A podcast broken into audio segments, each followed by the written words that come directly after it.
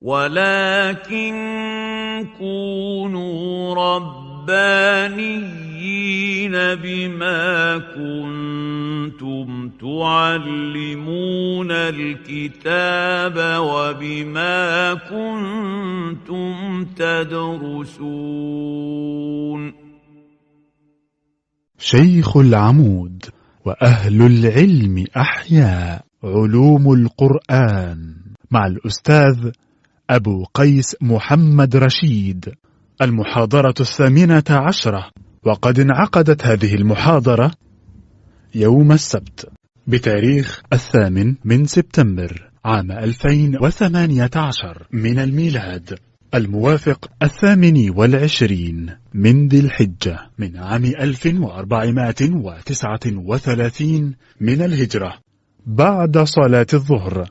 بمدرسة شيخ العمود بحي العباسية محافظة القاهرة. السلام عليكم ورحمة الله وبركاته.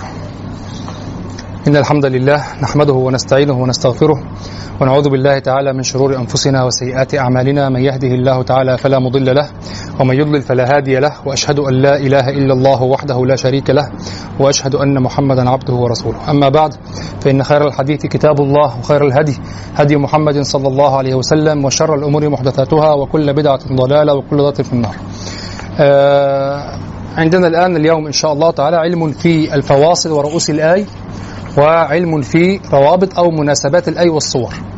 وبعد ذلك إن شاء الله تعالى تبدأ من السبت القادم تبدأ محاضرتنا في قضية الإعجاز. أو محاضراتنا في قضية الإعجاز. إن شاء الله تعالى. آه والكلام في الفواصل ورؤوس الآي والكلام في آه روابط الآيات والصور أو مناسبة مناسبات الآيات والصور له علاقة بقضية الإعجاز. لأنه باب كما قال الرازي باب أبواب الإعجاز الكلام في روابط الآي والصور والكلام في علم الفواصل ورؤوس الآي له علاقة بماذا؟ له علاقة بقضية الإعجاز لأنه على هذا المستوى الكلام في الصور الكلام في الفواصل هل هي من الإعجاز أو ليس من الإعجاز؟ الكلام في العلاقة بين الصور هل هي من الإعجاز أو ليس من الإعجاز؟ الكلام في روابط الآيات روابط الآي أو مناسبة بين الآي على كما قال الرازي هذا من الإعجاز وكما قال هذا من يعني ربما يفهم هو الذي يقصده البعض حينما قالوا القرآن معجز بأسلوبه. وسع الأسلوب جدا. المهم أن الرازي مشهور عنه أنه جعله وجها من وجوه الإعجاز. تكامل المصحف. واتساع والسورة على اتساعها مترابطة لا تتعارض. واضح؟ طيب. مع الأخذ في الاحتياط نقطة مهمة جدا جدا وهذا ليس من باب نقد كلام القدماء فالقدماء أيضا يصيبون ويخطئون لكن كما قلت بالأمس المهم أن تنقد كلام القديم من المدخل الحقيقي الذي تتكلم منه القديم. القدماء لا يتكلمون من مداخل خطأ أو تافهة يخطئون في المداخل الجزئية لكن هم في العلم محملون بالعلم ويفهمون القضايا ولو إجمالا. لكن ربما في التفصيلات الجزئية نعم يقع الخطأ. وهم أخذوا العلوم بحقها. هذه قيمة القدماء. فلسنا كالذين كالمحدثين أو العصريين الذين يقولون لا هم لهم رؤوسهم وهو يأتي بغير رأس أصلا. ويتكلم أصلا بغير رأس. لا. كلام القدماء ونقد كلام القدماء يؤخذ بحيث تطمئن إلى أنك لو عرضته على العلماء القدماء هم أيضا سلموا به. واضح؟ يعني أنا نقدت كلام البقلاني في الإعجاز كثيرا جدا. واضح؟ ولكن أعرف أنه إذا نبه إلى ذلك تنبه ولم يجادل إلا إذا كان هناك هوى. وننزهه عن مثل هذا يعني. لكن هل وقع في كلام فيه نوع من المجازفة أو نوع من التسرع أو نوع من الحماسة التي أثرت في في الإنصاف العلمي أو في المصداقية العلمية؟ حصل. والبقلاني رحمه الله كان عصبيا. واضح؟ ولكنه حصل حصل بالفعل. لكن المهم أن تدخل إلى نقد القديم من نفس المدخل الحقيقي المدخل الصحيح الذي نقد منه القديم. واضح؟ فأقول وحتى ونحن نقرأ كلام القدماء في قضية الإعجاز. طيب. جزاك الله خيرا. حتى ونحن نقرأ كلام القدماء في قضية الإعجاز نكون على احتراس. لماذا؟ لأنهم كتبوا وظاهر أنهم جميعا كتبوا مع نوع من التسليم. طبعا هذا ليس انتصار لنظريه الشك التي فكرة الشك التي عند ديكارت والتي قال بها طه حسين أو كذا لا الذي يقول في كلام هذا بهذا النوع لا هذا خطأ. فرق. وسأوضح هذا إن شاء الله تعالى في أول آه، محاضرة من الكلام في قضية الإعجاز إن شاء الله في المحاضرة القادمة بإذن الله. آه، لكن أن تكتب في مسألة وتحاول أن تكون وتحاول أن تكون محايدا وأنت مسلم وأنت مطمئن تماما هذا يظهر أثره في البحث. لكن ينبغي أن تبحث في موضع المتهم. أنت أنت عندك دعوة أن القرآن معجز. خلاص الأصل أنه ليس بمعجز حتى يثبت. ليس الأصل أن يكون الكلام العربي معجزا. واضح؟ لكن أو كلام أي بشر معجزا. أو كلام أي لغة معجزا. لكن إذا ادعيت أنه يعجز كل البشر وهم الذين يتكلمون اللغة هم الذين يستعملون اللغة أية لغة؟ واضح؟ إذا تحتاج إلى إثبات. فالأصل عدم إعجاز القرآن. لا يأتي أحدهم يقول تذكر أنها قيلت لي مرة يعني ما الدليل على عدم إعجاز القرآن؟ لا ما الدليل على إعجاز القرآن؟ يعني ما الدليل على عدم إعجاز القرآن؟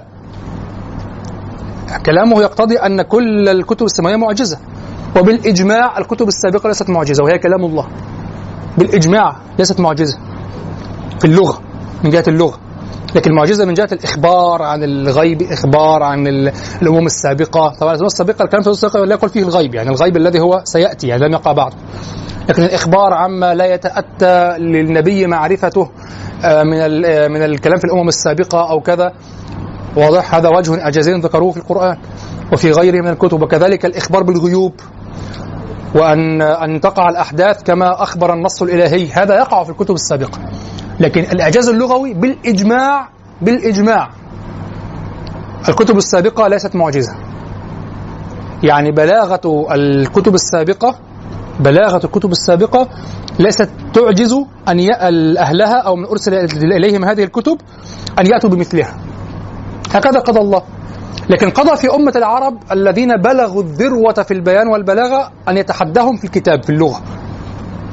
واضح؟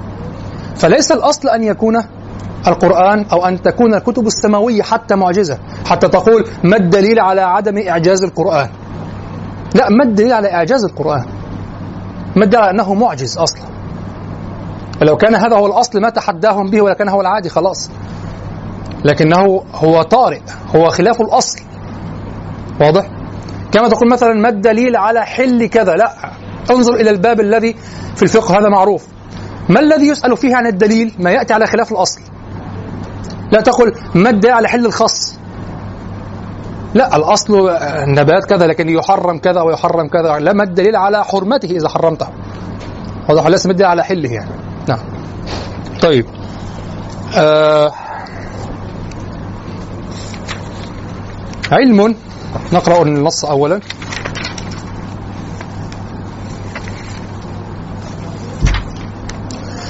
علم في الفواصل ورؤوس الآية كل رأس فاصلة ولا عكس. وطريقها التوقيف والقياس وليست قافية وليست سجعا لشرفها وعدم القصد وعدم الاضطراد وعدم الورود. ولنسبة الكهان ولمن خالف كلام ينظر. طبعا اختصار مخل وسيء جدا. كل رأس فاصلة ولا عكس. وطريقها التوقيف والقياس وليست قافية التي هي الفاصلة يعني وليست سجعا لشرفها هذه علة لكونها ليست سجعا يعني لشرف الفاصلة. وعدم القصد أي ولأجل عدم القصد وعدم الاضطراد أي ولأجل عدم الاضطراد هي ليست فاصلة وليست سجع لشرفها ولعدم القصد ولعدم الاضطراد ولعدم الورود ولنسبة الكهان يعني كلام يشبه الرموز. ولمن خالف يعني من أثبت أنه آه، سجع أن هذه الفواصل سجع كلام ينظر يعني استدلال ينظر فيه. طيب. قلت علم أنا قرأت الفواصل صح؟ آه. علم عليكم السلام. علم في الفواصل ورؤوس الآية. قال الزركشي وتقع الفاصلة عند الاستراحة في الخطاب لتحسين الكلام.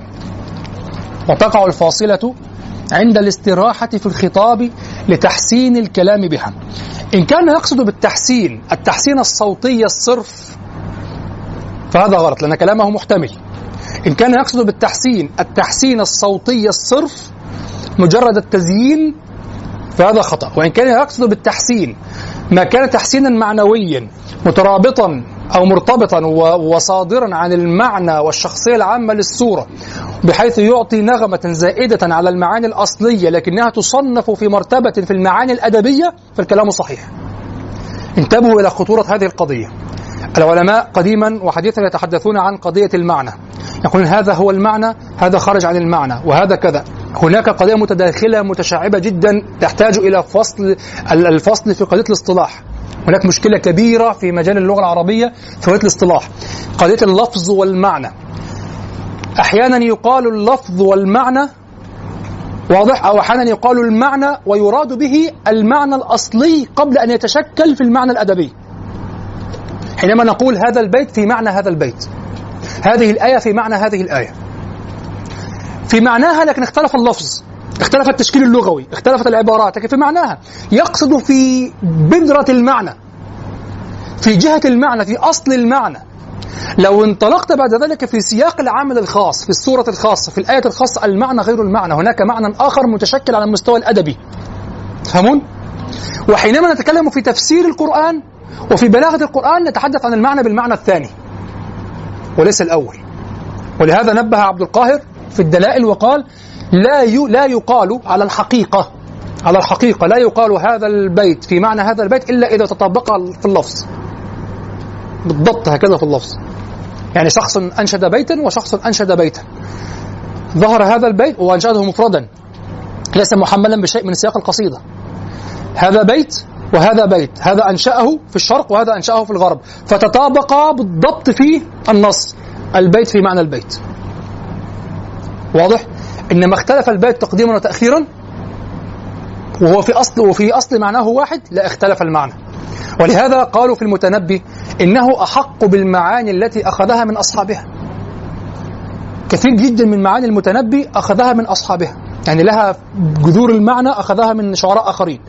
ولكنك تنظر في بيت المتنبي أحسن. أجود. وتقول الحمد لله أنه أخذه. لماذا؟ هو أعاد إنتاج المعنى مرة أخرى. فصار المعنى غير المعنى لكن كأن البيت الأول أوحى له بأصل المعنى. والذين نقضوه يريدون أن يأتي بالمعنى من جذره مخترعا. فهمتم؟ ولهذا بعض الشعراء نعم مثال المتنبي؟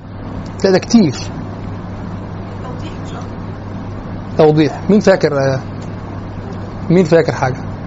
آه. أنا لا تذكر آه. آه طيب صح صح صحيح صحيح عنترة سبحان الله أنا أصلا انتبهت إلى أن المتنبي أخذه قبل أن أقرأ أن المتنبي اخذه منذ سنوات يعني. سؤال بدا عنترة آه ماذا يقول؟ لما رآني قد قصدت أريده أبدى نواجذه لغير تبسمه. أبدى نواجذه لغير تبسمه يتكلم على الفارس في المعلقة الفارس الذي قاتله وكذا وكذا. فيقول هو مدجج كذا كذا كذا وأخذ يثني على عدوه. فيقول في النهاية لما رآني قد قصدت أريده أبدى نواجذه لغير تبسمه. شوف أنت شكل الشخص الشرس اللي ابدا النواجذ هكذا ابتسم ابتسامه لكن لغير تبسمه يعني متشرس يعني. فشككت بالرمح الطويل ثيابه يعني قلبه وثيابك فطهر أو أراد الثياب الحقيقية فشككت بالرمح الطويل ثيابه ليس الكريم على القنا بمحرمه. عجيب عبد المتنبي ماذا قال؟ يقول إذا رأيت النيوب الليث بارزة فلا تظنن أن الليث يبتسم. معنى آخر تماما. هو أنتجه لكن في في رأيي أنا بخلاف بعض الإخوة الأساتذة قالوا لا بيت المتنبي أحلى. في نظري أنا أن بيت عنترة أشد. لأنه أوحى بالمعنى وفيه قصة وروح وحركة. تشبه التي في شاعر القيس في ألام صباح. واضح؟ إنما آه المتنبي كان في في وظيفة الأستاذ المرشد. إذا رأيت نيوب الليث أنا لم أرى إلا أسدا هكذا ساكنا ويبدي نواجذه فهو الأستاذ يقول فلا تظنن أن الليث يبتسم. بخلاف آه، آه، لما رآني قد قص البيت حتى مشحون بالمعاني. الأخرى.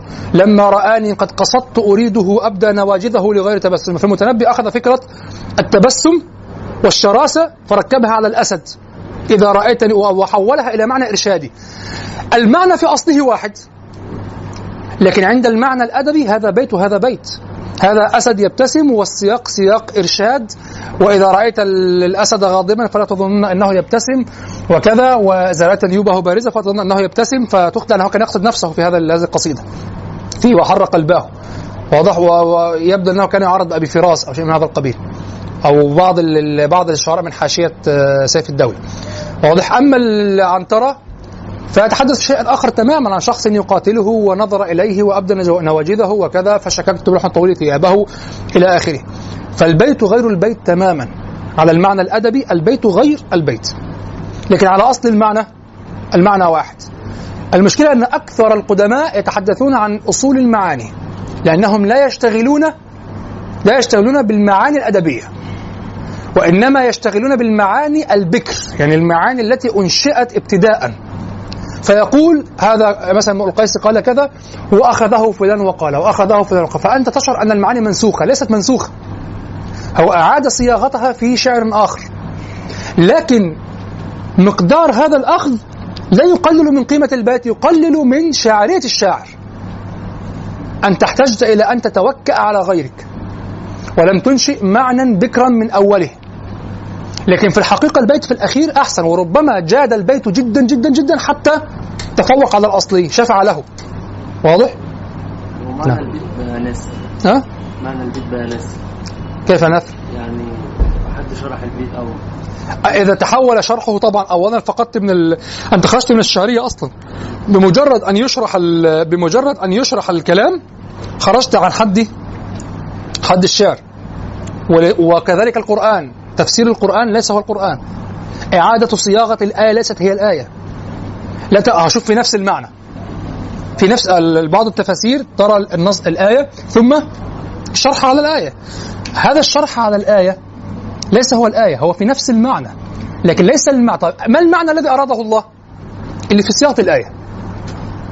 واضح؟ المعنى الذي أراده الله هو بصياغة الآية. غيرت حرفا ليس المعنى الذي أراده الله. على سبيل المعنى أيضا. لأنني في مستوى البيان والتشكيل اللغوي والكلام على الأدب والكلام على النص العالي أتحدث في الصياغة التي أمامي الصياغة. وأما أصل المعنى فجزء من هذه الصياغة وليس هو الصياغة. وهذا هو آخر الصيحات الآن في الولايات المتحدة الأمريكية وأوروبا عموما مدرسة النقاد الجدد مدرسه تي إس إليوت وكلينث بروكس وهذه المجموعة آه، مدرسة الشكلانيه الجديدة. الشكلانيه الجديده يتكلمون على النص أن النص هو واحد هكذا. ولذلك حينما يعبر ما معنى القصيدة عندهم إشكالية في التعبير عن المعنى. لا يستطيع أن يعطي معنى القصيدة في جملة أو عبارة. لماذا؟ معنى القصيدة هو القصيدة. لأنه كلما عبر عن المعنى في عن القصيدة في معنى في في لفظة فإذا اشتركت معها قصيدة أو قصائد أخرى في حين أن القصيدة متفردة بالصياغة من أولها إلى آخرها يعني هي بصمة واضح؟ فيقول إذا هي ليس هذا معناها. لأنها متشكلة. فلذلك يقولون ما معنى القصيدة؟ هي القصيدة. تريد أن عنوان القصيدة؟ اقرأ القصيدة. هذا هو معنى القصيدة. طالما أن القصيدة من أولها إلى آخرها بصمة فالمعنى بصمة أيضا. الصورة القرآنية لا تقول الصور التي في كذا. هذا تقريب. لكن في النهاية طالما كل سورة تشكلت شكلا معينا أصبحت كل سورة مستقلة بماذا؟ بمعناها. ولهذا يعني مما يدعم هذا الكلام أن الله سبحانه وتعالى بحكمة منه سبحانه وزع آيات الأحكام في الصور. ترى الآية يغلب عليها الطبع المدني أو يغلب عليها الطبع الوعظي ثم آية في الأحكام في الوسط. توزعت. لماذا توزعت؟ حكمة. وأنت تقف عليها من النص. نحن بعقلنا القاصر أو بذوقنا المحدود نقول ماذا؟ نقول لا إحنا يعني لو كانت هناك صورة للأحكام. صورة يعني سورة الطلاق ينبغي تكون فيها كل آيات الطلاق. كل هذا الباب. صورة لكذا هذا كتاب تعليمي مدرسي. الأبواب وكذا وكذا. أما الكتاب الذي يتعامل مع الإنسان بطبيعة أنت أصلا غير مقسم أنت غير مقسم أنت أنت, أنت معقد جدا. بتبقى في الرياضة أنا مثلا أنا عندي علاقات بين الأرقام في ذهني من طفولتي يعني. علاقات بين الأرقام والحيوانات والإنسان والعربيات. يعني الفيل في الحيوان التريلا النقل الكبيرة في العربيات في الإنسان في واحد عامل كده في الحروف في حرف تلاقيه كده إيه في حروف كده بالإنجليزية أو العربية تلاقيها مقلبظة جامد كده وواضح التلاتة كده حاجة رقيقة الاتنين ونص كده حاجة فيها كده سحبة أي أرقام كسرية كده وفي علاقات. مثلا أربط بين ال أربط بين مثلا العربية كنت بعمل دراسة في الماركتنج في التسويق. ف... فكنت بلاحظ إن المسوقين بيوجدوا في, في الصور في صور الدعاية بتاعة الإعلانات العربيات أو كذا بيوجدوا حيوانات جنبها أو كذا. فتجد فعلا في علاقة بين الروح. كل سيارة لو ماركة محترمة كبيرة ليها روح ليها روح. شايف الفيات 125 والكلام القديم خالص ده؟ في نظام موظف حكومة كده في وزارة الزراعة غلبان وهي شكلها كده. فاهم؟ في تلاقي العربية ال- ال BM الكبيرة ديت تحس إنها فهد. ال cheetah الفهد الكبير. المرسيدس تحس هي الأسد. إيه الفرق بينهم في عنصر. المسوقين يقول لك عنصر السرعة على بيتفوق على السرعة والمناوره على عنصر على عنصر الإيه؟ ال- القوة في ال في المر... في ال BM فتلاقي الأسد فعلا هو أضعف من أضعف الفي ال cheetah أو الفهد أضعف من الأسد لكنه أرشق وأسرع.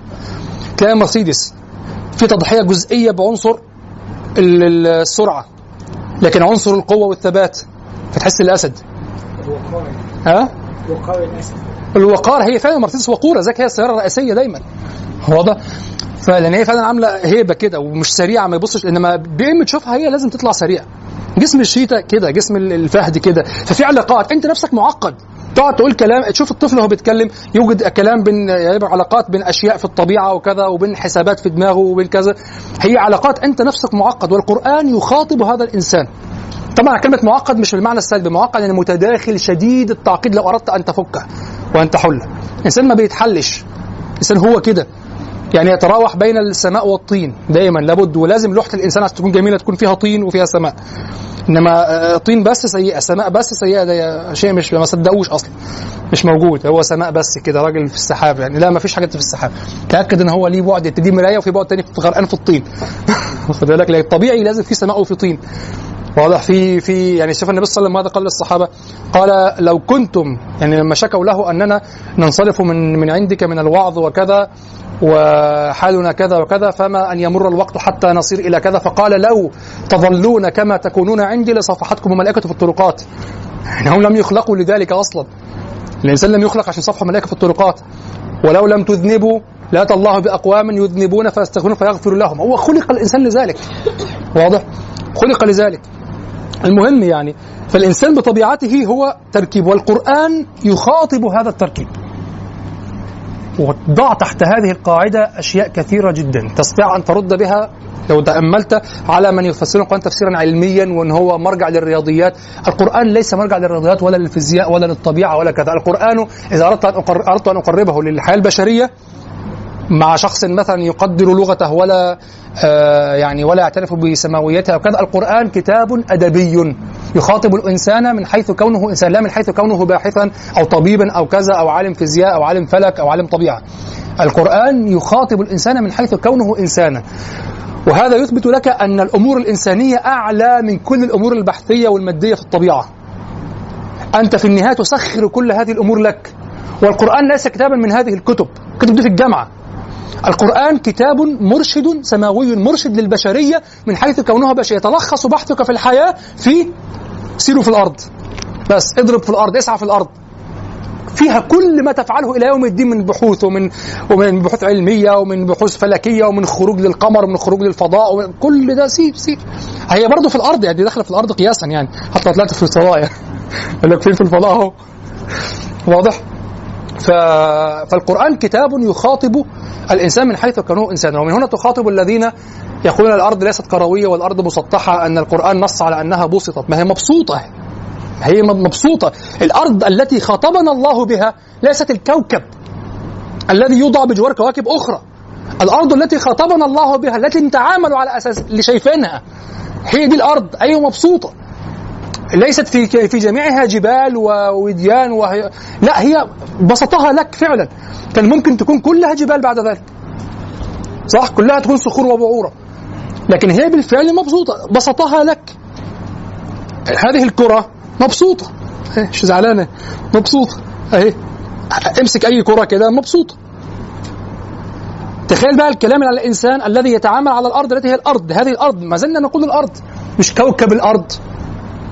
طبعا هذا يعتبر جهلا هذا يعتبر جهلا بألف باء مساقط الألفاظ القرآنية أصلا ومساقط الألفاظ الأدبية من التفسير فسروا من حتى. حتى هناك على هذا المقياس عندهم ليس هناك فوق وأعلى يعني أنت هنا انت فوق وهنا انت فوق لا لأن الله خاطب الإنسان من حيث ما يدرك وما زال إدراكنا ما زال وسيظل إدراكنا بحسب محيطنا فالقرآن كتاب ونص أدبي على هذا التقريب. نص أدبي يخاطب الإنسان إما بالمجازات وإما بالحقائق على حسب تعريفك الحقيقة والمجاز. أما هم يخاطبك بما تدرك وما يؤثر في نفسك.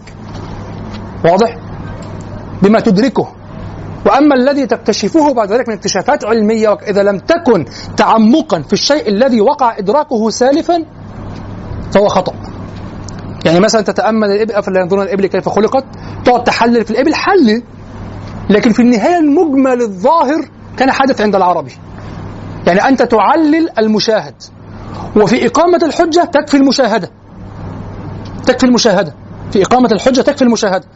أنت معك حيوان لم تخلقه وتعرف أن أجدادك لم يخلقوه ويسير معك في الصحراء وخلق الله له رموشا طويلة تنغلق على التراب ويرى من خلالها والأنف الشفة المشرومة حتى يغلق أنفه والخف ذي الأعضاء الإسفنجية الذي يفترش على على الرمل حتى لا ينغرز ويسير. ما حدش بيسافر بالخيل ما بيسافروا بالإبل. واضح؟ كل هذا أنت لم تتدخل فيه. ألم تلاحظ كيف أن الله خلقك وخلق لك هذه الصحراء ثم خلق لك هذا الحيوان لا تستعمله؟ واضح؟ فهذا هو الخطاب. حلل لماذا كانت الأعضاء اسفنجية وسبحان الله هي في الآخر كونها أعضاء اسفنجية شفت كوارع الجملي؟ فيها مخدات جوه كده. كوارع الجملي فيها مخدات فيها كده كل الخف فيه اثنين كده. واضح؟ هو بي ان كانوا هياكلوا الأكارع بيعرفوها مش هياكلوا الأكارع. واضحة يعني هو واضح. شوف أفلا ينظرون الإبل كيف خلقت حلل في الإبل تعمق لا إشكال. لكن تكتشف أشياء لم تكن موضع الخطاب من الأول بحيث تقول إن هذا النص كان مشكلا حتى أدركناه نحن الآن هذا خطأ. وحماسه غبيه وحماسه غبيه القرآن بين ولقد يسرنا القرآن للذكر فهل من مدكر؟ وكررت الآية في السوره واضح؟ فهذا من الأول واضح. القرآن كلام إذا أردت أن أقربه بشريا القرآن كلام ادبي يتحدث إلى الإنسان من حيث كونه انسانا لا من حيث علومه لا من حيث ترتيبه وكذا. واضح؟ فهناك كما قلت يعني كل هذا تفرعنا من قوله لتحسين آه قال زركشي وتقع الفاصلة عند الاستراحة في الخطاب لتحسين الكلام بها. لا يوجد تشكيل لغوي أو مظهر أو ظاهرة لغوية في النص إلا ولها أثر في المعنى لكن ما هو المعنى؟ هنا المشكلة. ما هو المعنى؟ هل تقصد أصل المعنى؟ أصل المعنى القرآن كله يدور على سبعة أبواب. كل القرآن على أصل المعنى سبعة أبواب. واضح؟ أم تقصد المعنى الخاص الذي يتشكل بتشكل التشكيل اللغوي؟ هذا هو المعنى الذي يراد. حين الكلام على الظواهر القرآنية والظواهر الأدبية. البيت إذا كان هو هو في مع معنى مع بيت آخر واشترك في نفس نعم هذا هذا نفس يحمل نفس المعنى. اختلف في اللفظ يتفقان في أصل المعنى؟ لا ليس في نفس المعنى. كما كنت نبه على ذلك عبد القاهر في الدلائل. نعم. ولهذا أقول في قول الزركشي وتقع الفاصلة عند الاستراحة في الخطاب لتحسين الكلام بها إذا كان يقصد التحسين لأن كلامه يحتمل إذا كان يقصد التحسين الذي هو التزيين الصرف ونغم الصرف لا علاقة لها بالمعنى فهذا خطأ. إن كان يقصد التحسين بحيث آه تتفق الفاصلة حرف الفاصلة وحركة الفاصلة أو لا الحركة لأنها يقف عليها بالسكون. تتفق ليس كالشعر يعني. تتفق حرك الحرف الفاصلة سواء كان على الخلاف أو على الوفاق يعني كان متفقا كما في السجع وال وال والقافية أو كان مختلفا كما تبدل الميم والنون على الصورة. واضح هما من عائلة واحدة يعني. واضح؟ إذا إذا وقع إذا وقعت هذه الظاهرة في القرآن وكان يقصد الزينة بمعنى أنه يتم المعنى ويرقى به ويأتي بالشعور وبالروح الذي يناسب المعنى العام والغرض العام الذي تقوم عليه الصورة فكلامه صحيح. ونعتبر هنا تو... كلامه توسعا في وصف ذلك بالتحسين واضح؟ نعم. طبعا الدراسة الحقيقية هنا من أين تريد أن تدرس تأثير الفواصل في الكلام في السورة يعني أنت تقف مثلا والنجم إذا هوى ما ضل صاحبكم وما غوى كل وا وا وا دي هكذا. كل هذه ألف المقصورة. في آخر السورة تقول بعد أن تقرأ السورة بكل الآيات قصيرة أن تقرأها بكل هذا الشكل. تريد أن تقول إن هذه الوقفات بعد الجمل القصيرة على الألف المقصورة لا تؤثر في الشعور العام الذي يسيطر ويخيم على الصورة؟ يؤثر. واضح يؤثر. سترى والذاريات ذروة وترى حروفا من جنس خاص أو من نوع خاص تنتهي هكذا واقفة مفتوحة. سترى هذا له علاقة بالصورة. انظر إلى مؤنسة المجنون. آخرها يا يا يا تشعر أن جو النداء والألم والصراخ يسيطر على الصورة. واضح؟ فدائما ستشعر أن انظر إلى بعض المرثيات التي تأتي على العين. لأن العين فيها عويل. أيتها النفس أجملي جزعا. إن الذي تحذرين قد وقع. إن الذي كذا كله عا عا شخص يعني مفجوع. شوف حتى اللفظ في العين. مفجوع فجيعة. واضح؟ انظر أي عي- عينية ابن زريق من نفس الجنس. آه لا يقول ماذا؟ لا تعذليه فإن العذل يوجعه. قد قلت حقا ولكن ليس يسمعه. واضح؟ هو هو هو عو عو عو هكذا. واضح؟ فهذه هذه الأشياء للأسف الشديد هذا الباب لم يدرس في القرآن. إذا أردت أن تدرس القرآن حقيقة في أثر الفواصل في شخصية السورة عليك بكتاب المرشد لدكتور عبد الله الطيب. هو الذي تناول هذه المسألة. المرشد في فهم أشعار العرب وصناعتها وكان عبقريا جدا. ولا يوجد إنسان تملك أن توافقه في كل شيء. وخليفه في في أصول أيضا. لكنه كان بارعا جدا ربما بالغ بعض الشيء. لما وضع الأبواب على القوافي يعني جعل بعض الحروف للأبواب. والحقيقة لا ليست حروف للأبواب. هناك تعديل أدخله على هذا الأمر. وإنما هو حروف لنمط نغمة الشعور. لنمط النغمة يعني إذا كانت النغمة يعني أو, أو كذلك تكلم عن الأوزان كذلك. وضع للأوزان وللقوافي أبوابا في المعاني. والحقيقة لو قرأت الشعر ترى أن اختلاط اختلاط شديد. ولكن ستجد ارتباطا آخر آخر ظاهرا في ماذا؟ في طريقة الشعور نغمة الشعور مع البحر والقافية. هل. هل شعورك كان آه، مسترسلا ناعما فيأتي على بحر الطويل؟ هل كان صاخبا قليلا يأتي على بحر الكامل؟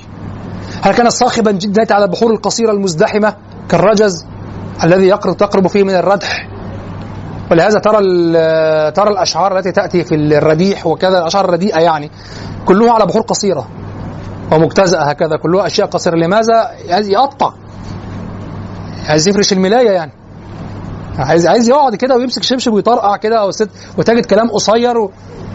وكل خمس أبيات يا عمر.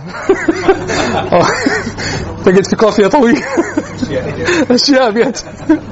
هذا دي قفل دي اللي هي عند الموشحات واضح. فإنما تجد مثلا البحر الطويل البحر الذي يختبر عنده الكلام. لماذا؟ بحر الطويل هادئ. لا تشعر بنغماته. بخلاف بحر الوافر مثلا الذي عليه معلقة عبد ام كلثوم. بحر الطويل لا تدرك نغماته من أول مرة من الشعور هكذا لأول مرة. وإنما تشعر أنه كلام وجملة طويلة.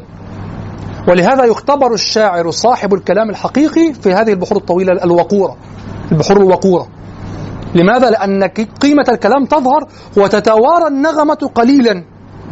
تتوارى النغمة ترجع وتؤدي دورا أقل. وكلما ظهرت النغمة كان على حساب الكلام. وأخذ الكلام يعني القيمة النهائية للقصيدة وللكلام أخذت القيمة من التقاطيع الموسيقية. لحد ما تصل إلى إلى أن تصل إلى ماذا؟ مش ساعات بسمع الرديح من آه آه آه. مفيش كلام ساعات ساعات. بحس يقول لك ردح له أهانه. تسلم إيدك جزاك الله. خير تشعر إن الكلام فيه إيه؟ فيه آه رديح. هو رديح بس أنت أخذت قيمته مش من الكلام لم تأخذ قيمته من الكلام لم تسمع كلاما أصلا لكن شعرت بماذا؟ بتقطيع إنه ردح له أهانه. فرشت الملاية أو فرشت له الملاية أو حاجة زي كده. ما تيجي أي كلام. في الآخر أي كلام واخره سرينة كده. مفيش قيمة لا توجد قيمة للكلام لا يوجد تركيز في الكلام. إنما يركز في الكلام الوقور الذي تخف فيه النغمة. واضح؟ ولهذا هذا البحر لا يحسن عنده إلا الفحول وإلا افتضح كلامهم إنه تافه لأن أنت لأنك في بحر الطويل ستركز في الكلام. واضح؟ هناك بحور يتوازن فيها البحر أو الوزن مع مع الكلام كمعلقه عبد بن كلثوم. تشعر نغمة جيش يعني نغمة جيش فعلا. ألا هبي بصحنك فاصبحين ولا تبقي خمور الأندرين. بحور الشعر وافرها جميل. مفاعلة مفاعلة فعول. واضح؟ أبا هند فلا تعجل علينا. وأنظرنا نخبرك اليقين بأننا نورد الرايات بيضا ونصدرهن حمرا قد روينا. واضح؟ أنت هو يريد أن يحتاج هذه النغمة القتالية هذه النغمة العنيفة. إنما امرؤ القيس في المعلقة مثلا وفي ألعم صباحا وسمى لك شوقا كان يحتاج إلى استرسال لأنه لأنه مكين من الكلام ويريد أن يتكلم. ونغم على نغمة مختفية وراء الكلام نغم كلامه واضح؟ فطبعا إذا ترجم الشعر خرج لأن هذه النغمة مقصودة سواء مقصودة بالصخب أو مقصودة بنسبتها لكن هي في النهاية جزء من الكلام. هذا التقسيم جزء من الإيحاء بالمعنى على على المعنى الذي هو معنى الأدبي وليس أصل المعنى. أصل المعنى ما فيش فرق بين قصيدة وقصيدة وق... خلاص. ولذلك ال- الذي يريد أن ينشئ القصيدة النثرية على طريقة الغرب أنت أصلا تخرج عن طريقتك في إبداء المعاني أصلا. هذه. أنت تفقد جزءا من المعاني التي تنشد عليها أصلا. واضح لما تنثر قصيدة أنت فقدت جزءا هذا التقسيم هذا التجزيء هذه الموازنة بين ال- الجمل مقصودة في الكلام واضح؟ نعم قال الزركشي وتقع الفاصلة عند عند الاستراحة في الخطاب لتحسين الكلام، لذلك قلت أفضل شيء تدرس فيه القرآن في في فواصله ما قدمه الدكتور عبد الله الطيب في كتابه المرشد في قوافي الشعر. نعم. للأسف الآن الدراسات القرآنية لا توازي الدراسات الشعرية. الدراسات القرآنية إلى الآن لا توازي الدراسات الشعرية. وتريد أن تدرس ال ال ال القرآن والظواهر القرآنية من خلال الظواهر الشعرية. واضح؟ هو كله مظلوم طبعا لكن حتى على الأقل الشعر يعني كتاب مثلا آه المرشد هذا كتاب يعني آه بالفعل أنجد به يعني أنقذ به ال- ال- الشعر العربي. هذا الكتاب. وكذلك بعض الكتب المفيدة كتاب الدكتور النويهي. الشعر الجاهلي منهج في دراسته وتقويمه. لا تملك أن توافق كل أحد في كل شيء. الدكتور النويهي رومانتيكي وأنا أخالفهم في أصولهم لكن له وقفات مفيدة جدا جدا جدا في هذا الكتاب وله تذوقات عالية فعلا. واضح؟ طيب. وهي الطريقة التي يباين القرآن بها سائر الكلام. طيب هنا نقطة في قوله هي الطريقة التي يباين القرآن بها سائر الكلام. يعني في خصوص ما ينفصل به الكلامان. وليس أن القرآن يبين سائر الكلام في الفواصل. لا يعني في هذه الناحية كيف كيف تنفصل الجمل القرآنية؟ في الشعر تنفصل الجمل الشعرية بالقوافي. في النثر تنفصل الجمل بماذا؟ بالسجع. وهنا تنفصل بالفواصل. كيف أن الفاصلة ليست سجعا وليست قافية؟ هي ليست قافية بالإجماع لأنها خاصة بالشعر. وليست سجعا لماذا؟ فيها خلاف. سنتناوله. لكن الزركشي هو يقول هكذا يقول يباين بها سائر الكلام وهذا يناقش فيه. هل يباين النثر بأنه بأنها نقول فواصل ولا نقول سجع؟ هذا فيه خلاف فيه كلام. واضح؟ يقول وتسمى فواصل لأنه ينفصل عندها الكلامان. طبعا هذا انفصال الوقف لا انفصال التمام للمعنى. ربما تحتاج إلى أن تقف هنا. ولم يتم المعنى بعده. ولكن الله تعالى شاء أن تقف هنا. والنبي صلى الله عليه وسلم قرأ ووقف هنا ولم يتم المعنى. هذا يدلك دلالة قوية على أن النغمة المرادة نفسها تؤدي معنى معنى في الشعر. وأنت تنظر فقط إلى المعنى الذي تقف عليه من من الكلمات نفسها يعني معاني الكلمات التي لها أصول في المعجم. وتغفل عن وجود معنى في الأداء. ما الذي يؤثر فيه؟ الوقوف والوصل الوصل والوقف والأوزان والقرآن فيه أوزان. لا نقول شعر أو غير شعر لا هي ليست شعر لكن فيه أوزان وفيه ما يأتي على بعض البحور كذلك هذه النغمة مقصودة وقعت ليست شعرا لكن نغمة وقعت في القرآن اتزنت مقصودة. يعني مقصودة من الله سبحانه وتعالى أن تتزن هذه الجملة. إذا أنت تأخذ ما تفيد يفيد هذا الوزن في هذه الجملة. لا على أنها شعر على أنها نص قرآني ولكن اتزن هنا. ولذلك الأفضل ألا تقول بحر كذا وبحر كذا قل اتزنت هنا على صيغة كذا فقط. واضح؟ يعني شوف وتسمى يقول الزركشي وتسمى فواصل لأنه ينفصل عندها الكلامان وسيأتي أن كل رأس فا... كل رأس فاصلة وليس العكس. كل رأس آية فاصلة. أما الفاصلة فيمكن أن تقع في خلال الكلام. ورأس الآية نفسها ربما لا يتم عنده المعنى وهو فاصلة. واضح؟ يقول وهي الطريقة التي يباين القرآن بها سائر الكلام. وتسمى فواصل لأنها لأنه ينفصل عندها الكلامان. وذلك أن آخر الآية فصل بينها وبين ما بعدها.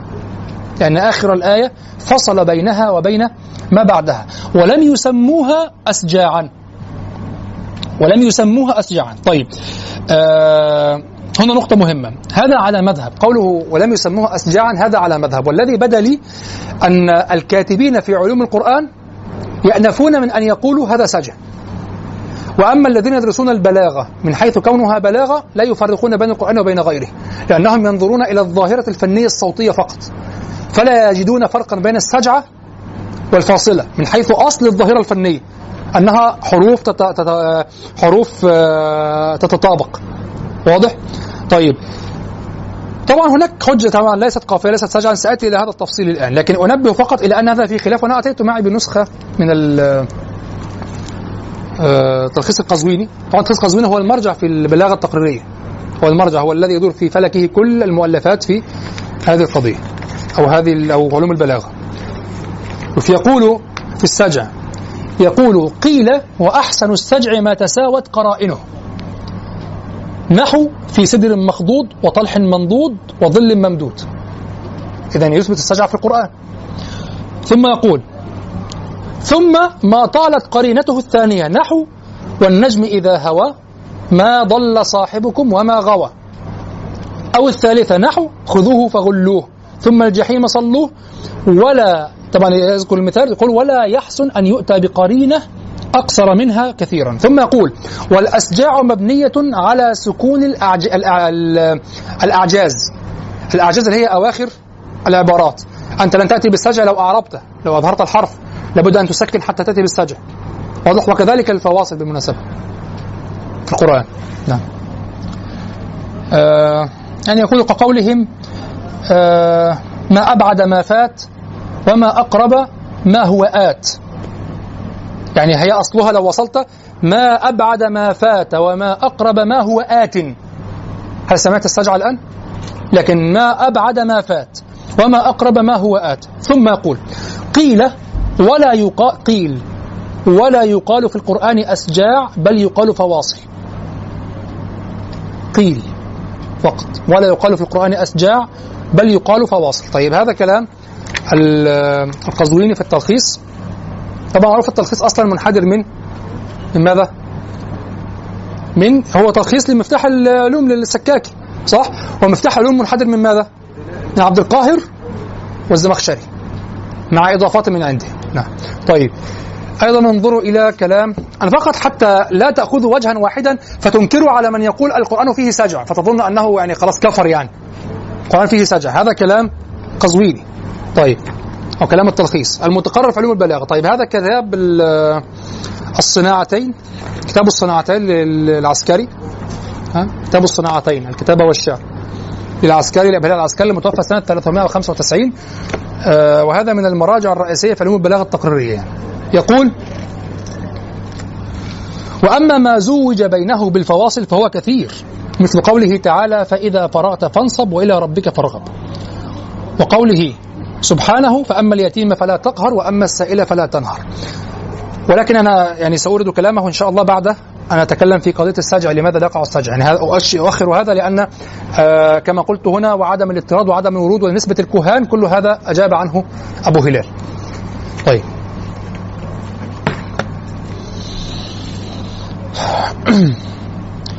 كل رأس فاصلة ولا عكس. يعني الفواصل أعم ورؤوس الآية أخص. يعني الآية كما قلت هنا في الشرح فهو مذهب هو مذهب أبي عمرو الداني.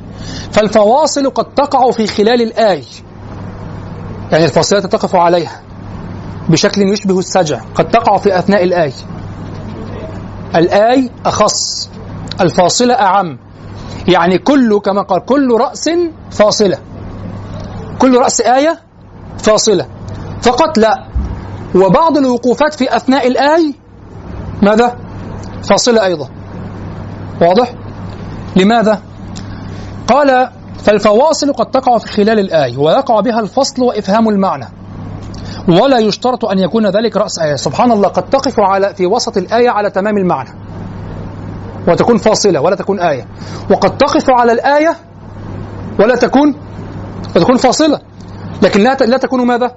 لا تكون تمت المعنى يعني هي فاصلة ورأس آية وليست تمت المعنى.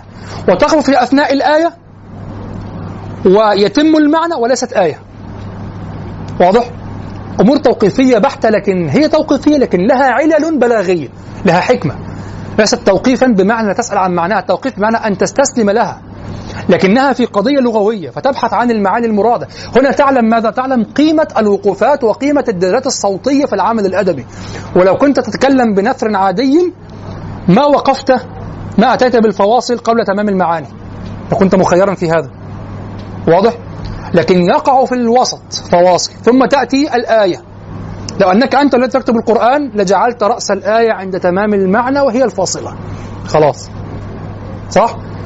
ولو سمحت بالوقوف في أثناء ال- الآية الطويلة على فرض يعني أنك أنت تتحكم في هذا التعديل يعني تعدل في النص. لو جعلت الوقوف في أثناء الآية الطويلة ستجعل ال- ست... لن. لن تقسمها إلى آيات وإنما ستجعل الوقوف فاصلة ولن تجعلها تامه المعنى ستجعلها فقط لاستراحة الصوت أو لاستراحة النفس لأخذ النفس فقط. وستحاول أن تحدث شيئا من التعديل الصوتي أو كذا لكن المعنى لم يتم. واستجعل تمام المعنى عند رأس الآية. لكن بلسان عربي مبين. هكذا مقصود هناك تشعبات وتعقدات كثيرة بين العناصر نسميها في يسمونها في علم الأسلوب العناصر العاطفية في الأدب. ليست عناصر لغوية فقط العناصر اللغوية هي بعض العناصر العاطفية. العناصر العاطفية يعني ال- العناصر التي تحت التي تصنع باجتماعها هياجا عاطفيا أو تصنع ما يسمى بالأسلوب الأدبي. واضح؟ كالمجازات تقديم وتأخير واستعارات خيال هذه كلها عناصر عاطفية. نعم. يعني مثلا لما يقول عمر بن أبي الربيعه في الرائيه يقول آه أريتك إذ هن عليك ألم تخف وقيت وحولي من عدوك حضر الآن اختبار سريع. أريتك إذ هن عليك ألم تخف وقيت وحولي من عدوك حضر أريتك إذ هن عليك يعني هو اقتحم عليها بيتها ودخل إليه بيتها وكذا فتقول أنت ستفضحني وكذا فتقول له أريتك إذ هن عليك ألم تخف؟ يعني من أهلي. ثم قالت وقيت ثم أكملت الجملة ألم تخف؟ وحولي هذا هو الحال يعني ألم تخف؟ والحال أن حولي من عدوك الذين هم أهلي أعداؤك حضروا. تخيل أنه قال فقالت آه فقالت أريتك إذ هن عليك. ألم تخف وحولي من عدوك حضروا وقيت. حصل اختلاف؟ ما سبب الاختلاف؟ هكذا تفسر القرآن. لما هكذا تفسر الفرق بين الآيات المتفقة في المتفقة في المعاني لكن وقع فيها تقديم وتأخير فقط. هكذا تفسر الصور ال- ال- القصص المعادة في القرآن كله بصيغ مختلفة. تقديم وتأخير حذف وإثبات علم المعاني. لكن نحن عندنا للأسف فجوة بئيسة مشؤومة بين العلم النظري في كتب البلاغة التقريرية وبين التطبيق. كما عند طلاب الفقه والأصول الفقه والأصول شيء والفقه شيء. عمره ما يفهم الفقه مع الأصول. عمره ما يحاول يقيس كده المسألة على أصول الفقه ويحاول أن يفهمها. لا تجد بيحفظ المسائل وبيدرس أصول الفقه. كده. وغالبا أصلا الأستاذ مش عارف يوصل بينهم. دي حقيقة يعني. وهم خدات المشيخه يا مولانا. خدات مولانا. خدات مولانا. ال- ال- الكذبه الكبرى. مفيش مولانا خالص يعني مفيش مولانا خالص. ولازم يكون عالم بجد. آه. ما الفرق بين أريتك إذ هن عليك ألم تخف وحولي من عدوك حضر وقيت؟ وأريتك إذ هن عليك ألم تخف وقيت وحولي من عدوك حضر؟ ما الفرق؟ قولي. يبقى هو إحساس ترجم لي إحساس مولانا تعرف ها؟ روح إيه ما كل دي خلاص كل ده إحنا فاهمينه ما العلة؟ نحن في مرحلة التعليل ما الفرق؟ ما الذي وقع في النص من العناصر الأدبية التي جعلت النص الأول وهو نفس الألفاظ كل شيء لكن بتقديمه فقط التي جعلت النص الأول يؤثر في نفوسنا وأما النص الثاني فبارد. ألتك إذ, ألتك إذ هن عليك؟ ألم تخف؟ وحولي من عدوك حضر وقيته بارده يعني انت جاية فاكره الآخر تقولي كده. يا جماعة اي ما العنصر العاطفي؟ ما العنصر التركيبي؟ ها؟ تبين في اللفظ؟ أنت بتحاولي توصلي يعني بتحاولي توصلي. يعني هو أكتبها؟ هي تقول له يعني. هي. نوع تقول له أريتك إذ هن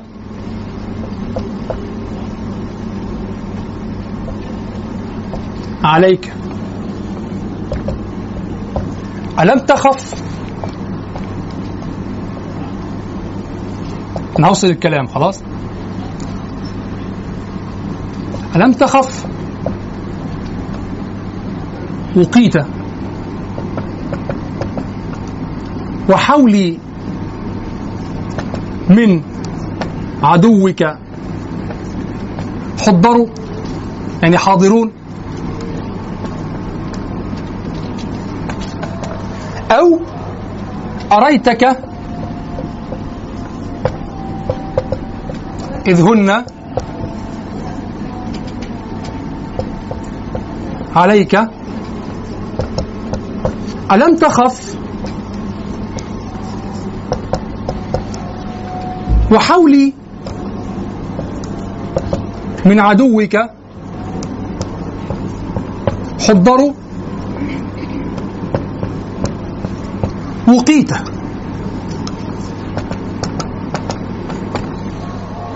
ما الذي جرى؟ تفضل. ممكن عليه فهي خافت عليه قوي فعجلت فلما خافت عليه قوي بقى حصل إيه؟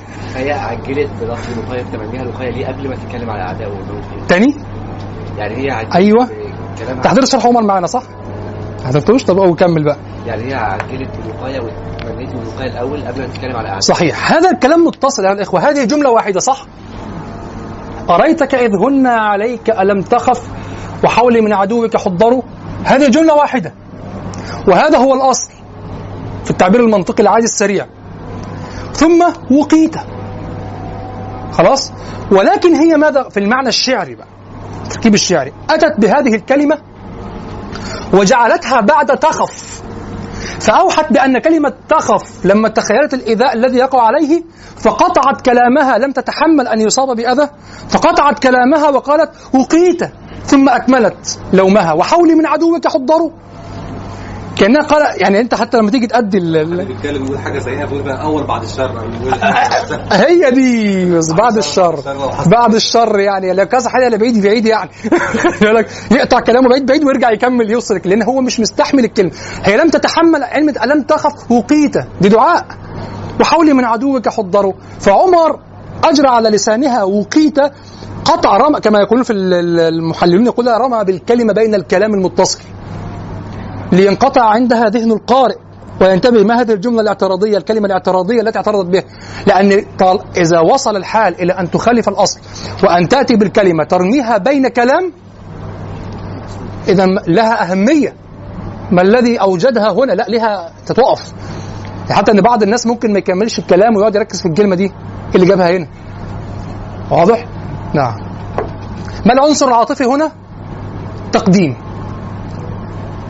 رمي بالكلام بين الكلام. كما يقول عبد القادر دائما إلقاء بالكلام بين الكلامين المتصلين. تلقي بالكلام بين الكلامين. واضح؟ هذا هو العن... هذا يسمى عنصر في المصطلح الأسلوبي الحديث أو المدرسة ال- الأسلوبية عنصر فني. عنصر عاطفي. قلب النص من نص عادي إلى نص عاطفي. شوف العاطفة اللي حصلت بلفظه واحدة انتقلت من هنا إلى هنا. لفظه واحدة. انتقلت. جعلت اللفظ الجملة أنثوية ومليئة بالعواطف وفيها إخبار بأنها تخاف عليه حتى وهي تلومه. انتقال لفظة من مكانها الأصلي ليس الأصل أن تلقى بين الكلام من مكانها الأصلي إلى إلى قطع كلام حتى أنا رسمت. على مثال الاعتراض؟ نعم. طيب. كل رأس فاصلة ولا عكس فالفواصل أعم ورؤوس الآي أخص. هو مذهب أبي عمرو الداني فالفواصل قد تقع في خلال الآي القضية معقدة جدا. ولا مجال إلا أن تدرس الأدب العربي وتدرس الشعر القديم لأن هذا التعقيد يقع في الشعر القديم أكثر. وكما قلت بالأمس في الشعر المحذوفات المقدرات من الصور والمعاني بين الجمل الجاهلية أكثر بكثير، لماذا نحن نحب الشعر العباسي والمتنبي أكثر؟ المصرح به هو المعنى هو المصرح به. لا توجد محذوفات بين الكلام. لا توجد. لكن الكلام القديم إذا لم تنتبه ال- ما بين الكلام ترى الابيات مفككة يعني لا ليست مفككة. ولكن بينها تقديرات تصل بينها لا يدركه أي أحد.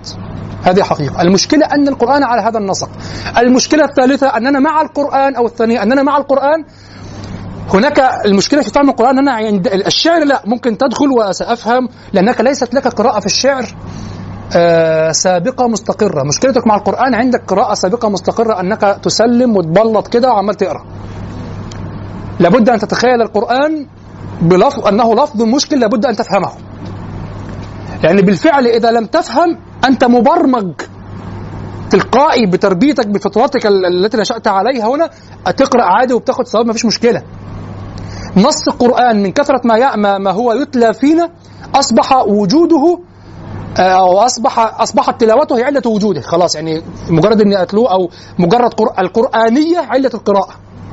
فأنت تقرأ تفكر في المعنى. الحقيقة أنك لو فكرت أن القرآن معنى يخاطبك وأنك تريد أن تفهمه أول مرة سترى النص صعبا جدا. لا ترى علاقات بين الآيات كما لا ترى علاقات بين الأبيات ترى تقديم وتأخير غريب ترى بعد صفحات يأتي ضمير يعود على على مذكور قبل صفحات. واضح؟ يتصل الكلام بعد صفحات ما هذه الطريقة؟ ما هذا؟ لا كله في الشعر القديم وليس الحديث. نعم الحديث أقرب إلينا نحن ليس فيه إشكال. طيب.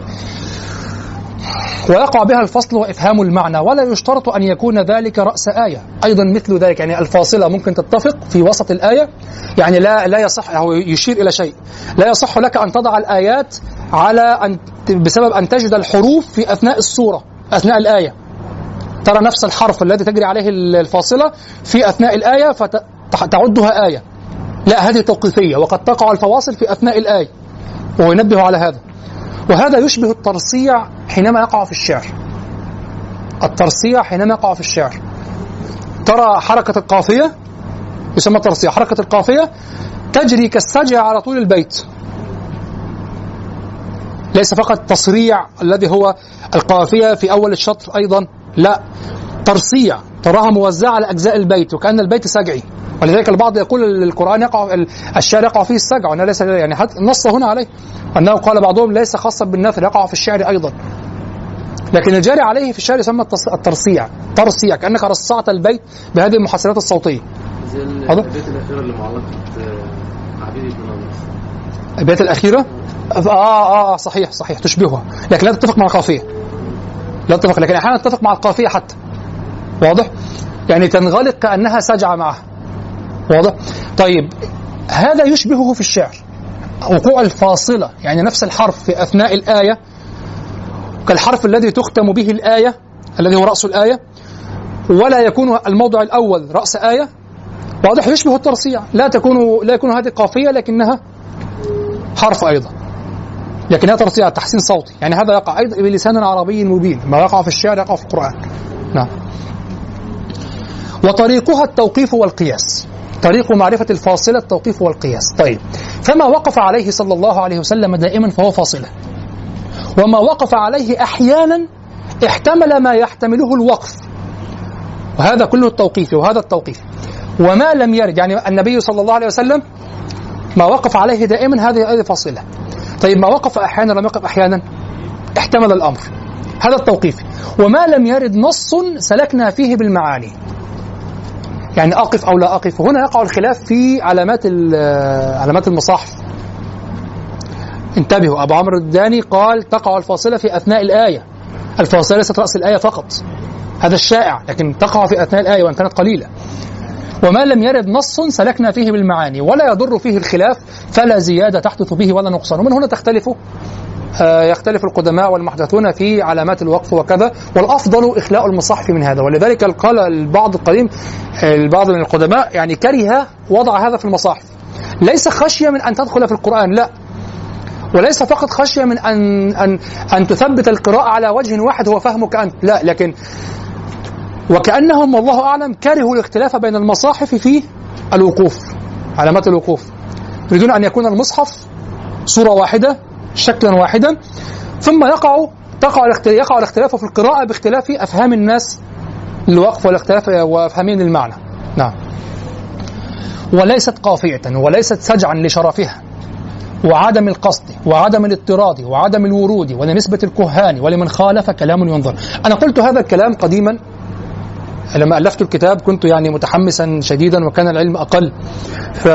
فتأثرت هنا بكلام البقلاني البقلاني رحمه الله أنا قرأت كلامه قديما لما ألفت هذا الكتاب آه، أظن عشر سنوات تقريبا لا أذكر أو ثمان سنوات. ثم قرأته مرة وكنت متحمسا وأعجبني حماسته ودفاعه فلم أنتبه إلى الثغرات في آه، في كلامه وإلى مواطن الضعف في كلامه. بعد ذلك لما أعدت هناك كثير من الكتب قرأتها وأنا صغير أو في بداية الطلب ثم أعدت قراءتها فكانت النتيجة عندي مختلفة. منها منها هذا الكتاب لا أكف عن قراءته كتاب البقلاني مرات لأنه تظهر لي فيه ثغرات كثيرة جدا وأنه بسبب حماسته في الدفاع عن القرآن وقع في مواطن ضعف كثيرة لا تجري على على طريقة الجدل وطريقة الإثبات. واضح؟ فأنا قلت هذا الكلام كنت حينها متأثرا بالبقلاني رحمه الله ومتحمسا على غير آه، يعني على غير علم آه، يعني يكفي للنظر في هذه المسألة. لا يقال في الفواصل إنها قوافل. ذكره السيوطي إجماعا. خلاص هذا إجماع. لا يقال في الفواصل إنها قوافي لماذا القوافي خاصة بالشعر؟ مفهوم. ثم قال يعني السيوطي في الإتقان لأن الله تعالى لما سأل أنا أذكركم بأن هذا المتن لخصته من الإتقان والبرهان أكبر مرجعين في علوم القرآن. لأن الله تعالى لما سلب عنه اسم الشعر وجب سلب القافية عنه أيضا لأنها منه القافية ليست إلا في الشعر. فلما سلب عن القرآن وصف الشعر سلب عنه القافية ضمنا واضح؟ ولأنها خاصة به في الاصطلاح مفهوم تماما. وكما يمتنع استعمال القافية القافية فيه يمتنع استعمال الفاصلة في الشعر. يعني أيضا لا تقل في الشعر أنه فاصلة. لأنها خاصة بكتاب الله فلا تتعداه إذا الخلاف وقع في ماذا؟ وقع في السجع. نعم. لأن القرآن نثر والبعض يرفض أن يقول إن القرآن نثر أيضا. يقول القرآن كلام ثالث ليس النثر وليس الشعر. يعني يهربون من آه، يهربون من إلحاق ظواهر النثر بالقرآن الظواهر الفنية للنثر بالقرآن بأن يقولوا إنه ليس نثر. لا هو نثر. إذا قلنا النثر ليس ليس الموزون فهو نثر. بالعكس هناك طائفة وإن كانت قليلة من القدماء يفضلون النثر على الشعر ويحتجون بأن القرآن نثر. ويرد عليهم الذين يفضلون الشعر. بماذا؟ يقولون لا الشعر أفضل من النثر. وكون القرآن جاء نثرا. شوف يؤكدون أنه نثر. وكون القرآن جاء نثرا وهو أعلى من الشعر من وجوه الإعجاز أصلا. يعني كأن الله تعالى يقول لهم كما كما الأمية سيئة أم حسنة؟ الأمية سيئة. جئنا لكم بنبي أمي وهو أخياركم وهو جاءكم بالكتاب الذي تعجزون عنه. وهو أمي. فالأمية في هذا الموضع حسنة. شرف في هذا الموضع اقتصارا للأبد خلاص. فكذلك هنا القرآن نثر. القرآن نثر. ومع نثرية القرآن جاء معجزا فوق الشعر. فإذا النثر في العموم أقل من الشعر ولكن نثر القرآن في الخصوص يستثنى ليكون فوق الشعر فهو شرف. فإنزال النثر هذا هكذا رد عليهم الجمهور الذين يفضلون الشعر. فإنزال النثر رفع للقرآن. لأنه معجز مع كونه نثرا. فكونه نثر من أدلة كونه معجزا. يعني جئناكم بما هو أقل من شعركم. يعني جئناكم بقرآن بنص على قانون ما يعني حتى ال- ال- الجمال الذي في الشعر تركناه لكم. وجئنا بالجمال في النص على. على قانون الكلام الذي هو أقل من الشعر. فيكون وجه الإعجاز. الفريقان أثبت كونه نثرا. واضح؟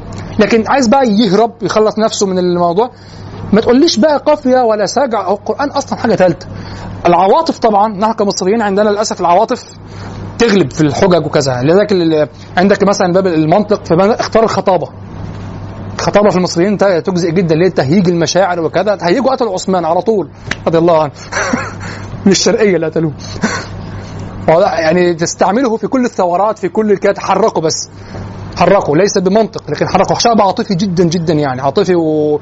ويميل لمن يسكن معه ويقيم معه وكذا. فهذه مشكلة كبيرة جدا. فأنت تقول له قرآن نثر مين وشاعر مين؟ ده قرآن. تيجي تقول له لا تتضرب تسكت وتروح. تركب وتمشي خلاص. فأنت ممكن يتهيج عليك بالطريقة دي صح؟ قول له لا القرآن نثر. النثر ده كلامنا ولا كلام؟ آه كلام. طب إزاي. طب تعالى كلام مش مش لاحق تشرح. ما هو التاني خلاص هاج؟ لا القرآن نثر. وكل ما فيه من وجوه البلاغة هي وجوه بلاغة بشرية أصلا.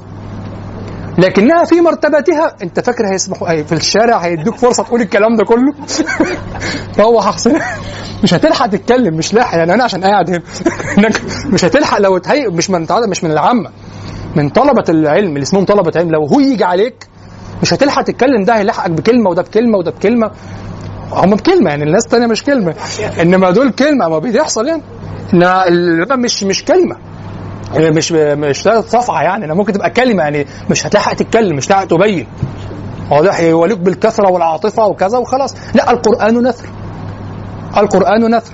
وما وكونه نثرا دليل ومع مع ارتفاع الشارع عن النثر البشري فكون القرآن نثرا على قانون النثر دليل على يعني الشعراء الذين يزنون الكلام لم يستطيعوا أن يصيغوا نصا قرانيا مع كون الفاصلة ليست متفقة الحرف آه، غالبا أو دائما. ومع ذلك يعني أنت تقدر على ما هو أصعب. أنت معك في النص معك حرية.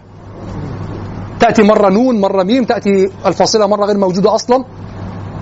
واضح؟ أحيانا يعني حرف الحرف ممكن يكون أو الحرف يكون قريب قريب جدا يعني يعني يعني ال- الفاصلية تخف جدا. يعني أنت حر والجمل تطول وتقصر ومع ذلك لا تأتي وأنت تقدر على الشعر ولا تأتي بهذا كونه نثرا وجه إعجازه أصلا. طيب. لا يقال في الفواصل إنها قوافل نعم قرأناها. طيب ولا يقال فيها إنها سجع. هذا مذهب البقلاني وأنا نقلته هنا متحمسا جدا.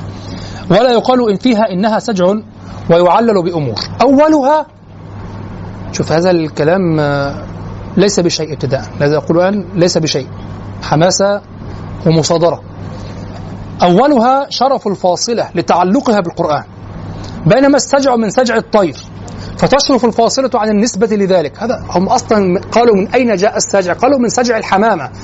تسجع يعني تقعد تخرج صوتا هكذا بشكل منتظم وكذا فهذا يشبه هذا النوع من الكلام. هذا تشبيه يعني اللغة انتقلت.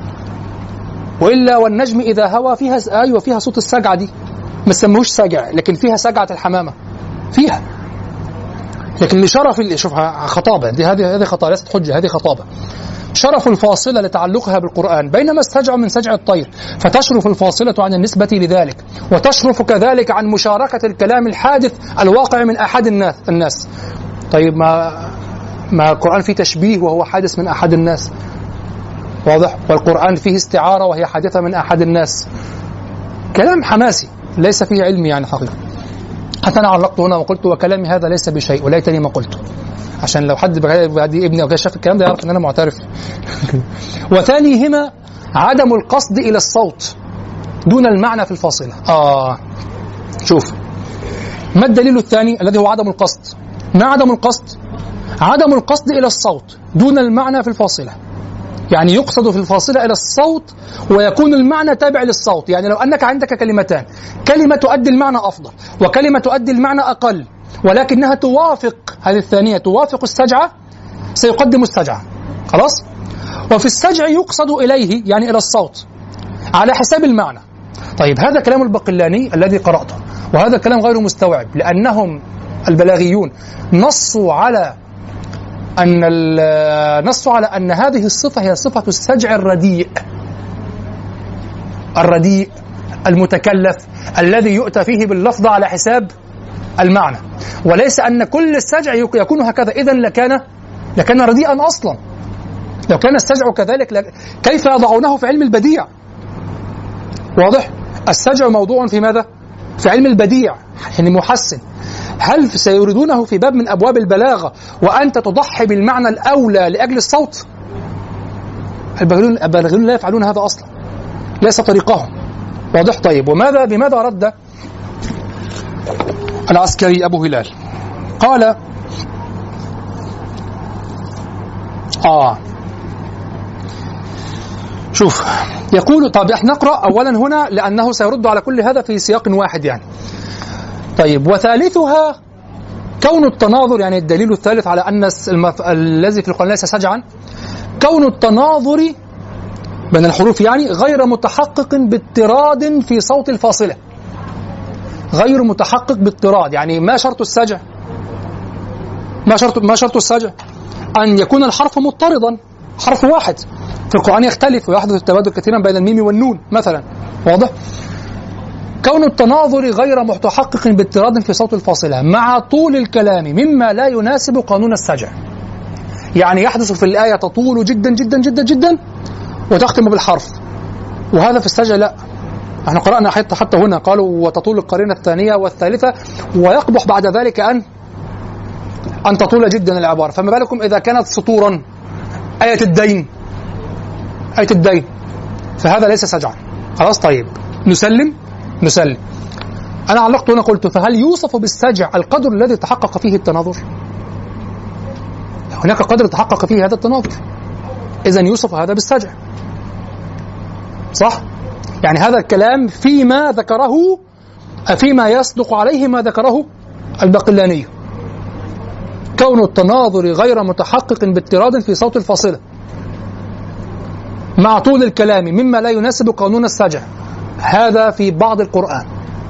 وبعض القرآن يتفق الحرف ويجري على قانون السجع. وتتزن الجمل ومثل لها في كتب كل كتب البلاغة يمثل لها فيه. طيب. قال ورابعها أن القرآن من صفاته تعالى فلا يوصف سبحانه بما لم يرد. طبعا هذا غريب جدا لأن الموصوف بهذه الصور البلاغية هو النص الذي أودع النص اللفظي الكلام الذي أودعه الله سبحانه وتعالى معانيه. أما القرآن بمعناه القديم الذي هو من صفات الله سبحانه وتعالى ليس هو هذه الألفاظ.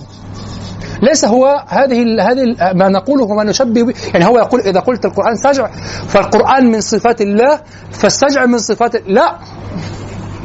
اذا التشبيه كما قال أخونا ستسقط كل البلاغة أصلا.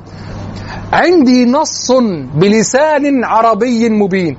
أنا أصف النص الذي قال الله فيه بلسان عربي مبين. قرانا عربيا غير ذي عوج. أنا أصف القرآن العربي أصف النص العربي الذي بلسان عربي مبين لا أصف الكلام النفسي لله سبحانه وتعالى. كيف قال ال- ال- قالوا هذا الكلام؟ لا أدري. يعني شوف أحيانا التعصب وال وال ال- والحماسة حتى لو علماء. الدين الدين حامي الدين قضية الدين والمساس بالقرآن وكذا حامية جدا جدا. يعني لما بعض الناس في عصر البقلاني في القرن الرابع والخامس قالوا ال- قالوا إن الشعر من القيس أحلى من القرآن أفضل من القرآن. تحمس وجعل من القيس قال لك بص ما فهمش حاجة بقى خالص أهو. وطلع قصيدته ولا أي شيء خالص.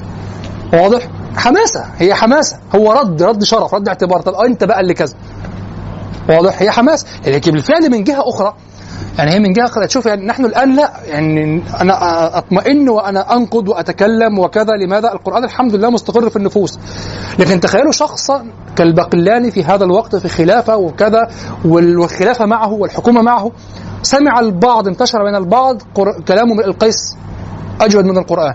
تخيلوا ال- ال- الحماسة التي يكتب بها والعصبية التي يكتب بها وهو يكتب وهو مطمئن لأن الدولة معه. فهمت؟ الدولة معه فهو يكتب وهو مطمئن. فيصادر في الكلام كثيرا هذا ما وقع في هذا لا أتكلم عن أن هذا آه، دأب البقلاني عادة. أتكلم عن خصوص كلامه في قضية الإعجاز فقط. والبقلاني رحمه الله تعالى إمام ومتكلم أشعري كبير. وإمام جليل كلامه محصور في نقده الأدبي وفي كلامه على قضية الإعجاز وأصاب في مواطن منها لكن زل في مواطن أخرى وسأقرأ معكم إن شاء الله أنا لخصت الكتاب بعد أن قرأته مرات لخصته كله بيدي كتبته لخصت الكتاب بيدي وكتاب كبير في الإعجاز لخصته وسأقرأ هذا التلخيص وأقرأ لكم تعليقي عليه وعلى الماضي ثم أترك الأمر لكم. واضح؟ طيب. ورابعها أن القرآن من صفاته تعالى فلا يوصف سبحانه بما لم يرد. وخامسها ذم السجع في نسبته للكهان على لسان النبي صلى الله عليه وسلم. واضح الحديث المعروف. السجع كسجع الكهان. فلا يوصف القرآن بما ورد ذمه. ثم قال وخالف في ذلك الخفاجي وآخرون على أن السجع يعني لأن السجع أنا قلت الأفضل أقول لأن السجع. لأن السجع إن تبع الصوت دون المعنى فهو مذموم كذلك في كلام الناس. يعني حتى لو لو لو هذا القانون الذي عممته في السجع هذا السجع المذموم في كلام الناس. واضح؟ ولأن الإخلال به في بعض القرآن آه لماذا أخل القرآن بالسجع أحيانا؟ هو لأجل الانتقال إلى أحسن منه لا لعدم وروده. يعني هناك مواضع اقتضت هنا مخالفة قانون السجع والخروج عنه. لكن المواضع الأخرى التي تجري على قانون السجع لا بأس أن تسمى سجعا. لماذا؟ لأنها السجع هو الأحسن هنا. كما يخرج عن الاستعارة إلى التشبيه من تشبيه الاستعارة عن الاستعارة والتشبيه إلى ذكر الحقيقة والوصف المباشر. واضح؟ لا يأتي باستعارة ولا بتشبيه. أو يأتي يترك كل هذا ويأتي بكناية. ما الذي يرجح مرة كناية مرة كذا مرة كذا؟ ما الذي يرجح؟ السياق.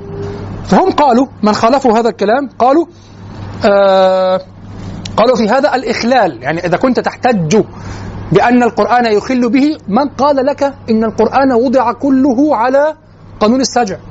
هو يخرج عن قانون السجع إلى ما هو أحسن منه في بعض المواضع. ثم يرجع للسجع ثم يخرج. كما يتنقل بين صور البيان تشبيه ومجاز واستعارة وكناية واضح؟ طيب أقرأ لكم سريعا كلام العسكري قال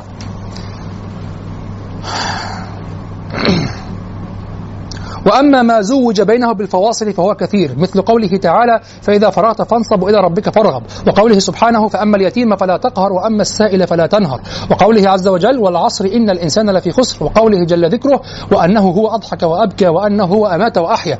وهذا من المطابقة التي لا تجد في كلام الخلق مثلها حسنا ولا شدة اختصار على كلام المطابقة في على كثرة المطابقة في الكلام يعني كلام الناس. وكذلك جميع ما في القرآن مما يجري على التسجيع والازدواج مخالف في تمكين المعنى وصفاء يعني هو نافس كلام البشر وغلبهم في تمكين المعنى. إشارة إلى ماذا؟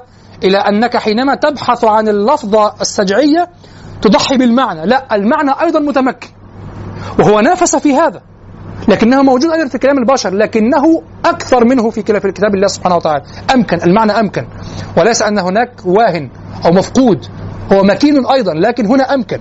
قال يعني كما نقول كلام البشر بليغ لكن القرآن أبلغ.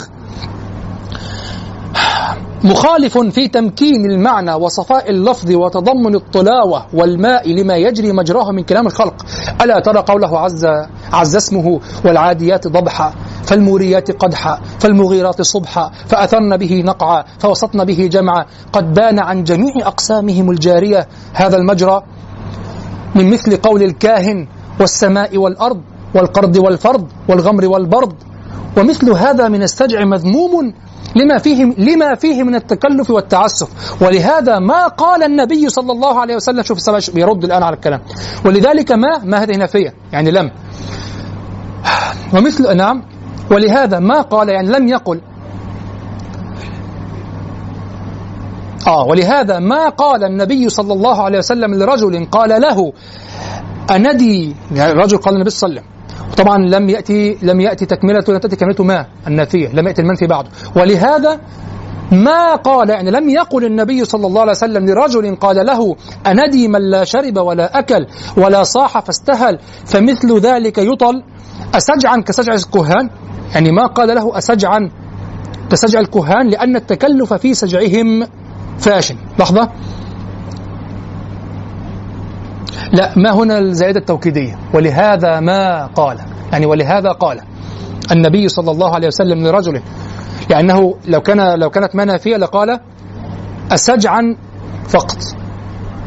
يعني لم يقل له أسجعا لكن لهذا قال ولهذا ما قال النبي صلى الله عليه وسلم لرجل قال له أندي من لا شرب ولا أكل ولا صاح فاستهل فمثل ذلك يطل أسجعا كسجع الكهان. لأن التكلف في سجعهم فاشن ولو كرهه عليه الصلاة والسلام لكونه سجعا لقال أسجعا؟ ثم سكت.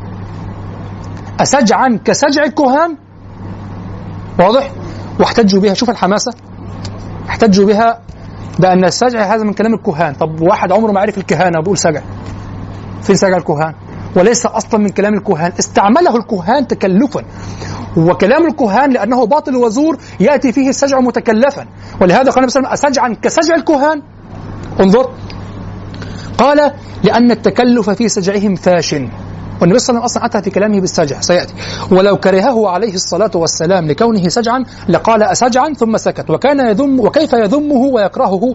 وإذا سلم من التكلف وبرئ من التعسف يعني والحال أنه إذا كان كذلك وبرئ من التعسف لم يكن في جميع صنوف الكلام أحسن منه. وقد جرى عليه كثير من كلامه عليه السلام. فمن ذلك ما حدثنا به يوسف الإمام بواسط قال حدثنا محمد بن خالد بن عبد الله أبو شهاب عن عوف عن زرارة بن أبي أوفى عن عبد السلام بن سلام أو سلام عن عبد الله بن سلام قال لما قدم النبي صلى الله عليه وسلم المدينة انجفل الناس قبله أو قبله فقيل قدم رسول الله صلى الله عليه وسلم فجئت في الناس لأنظر إليه فلما تبينت وجهه, وجهه عرفت أنه ليس بوجه كذاب فكان أول شيء تكلم به أن قال أيها الناس أفشوا السلام وأطعموا الطعام وصلوا الأرحام وصلوا بالليل والناس نيام تدخلوا الجنة بسلام. وكان صلى الله أنا ربما أخالف في هذا هذا الذي يقول. وكان صلى الله عليه وسلم ربما غير الكلمة عن وجهها للموازنة بين الألفاظ وإتباع الكلمة أخواتها. كقوله صلى الله عليه وسلم أعيذه من الهامة والسامة وكل عين لامة وإنما أراد ملمة. وقوله عليه السلام آه ارجعن مأزورات غير مأجورات وإنما موزورات من الوزر. فقال مأزورات لمكان مأجورات قصدا للتوازن وصحة التسجيع. واضح؟ فكل هذا يؤذن بفضيلة التسجيع على شرط البراءة من التكلف والخلو من التعسف أين هذا الكلام؟ في كلام بقلاني لم يورده أورد الجانب المذموم وقال هذا هو الساجع وبالتالي ينفى من القرآن. لو أثبتت جانبا ممدوحا القرآن يبلغ فيه المرتبة العليا. واضح؟ طيب.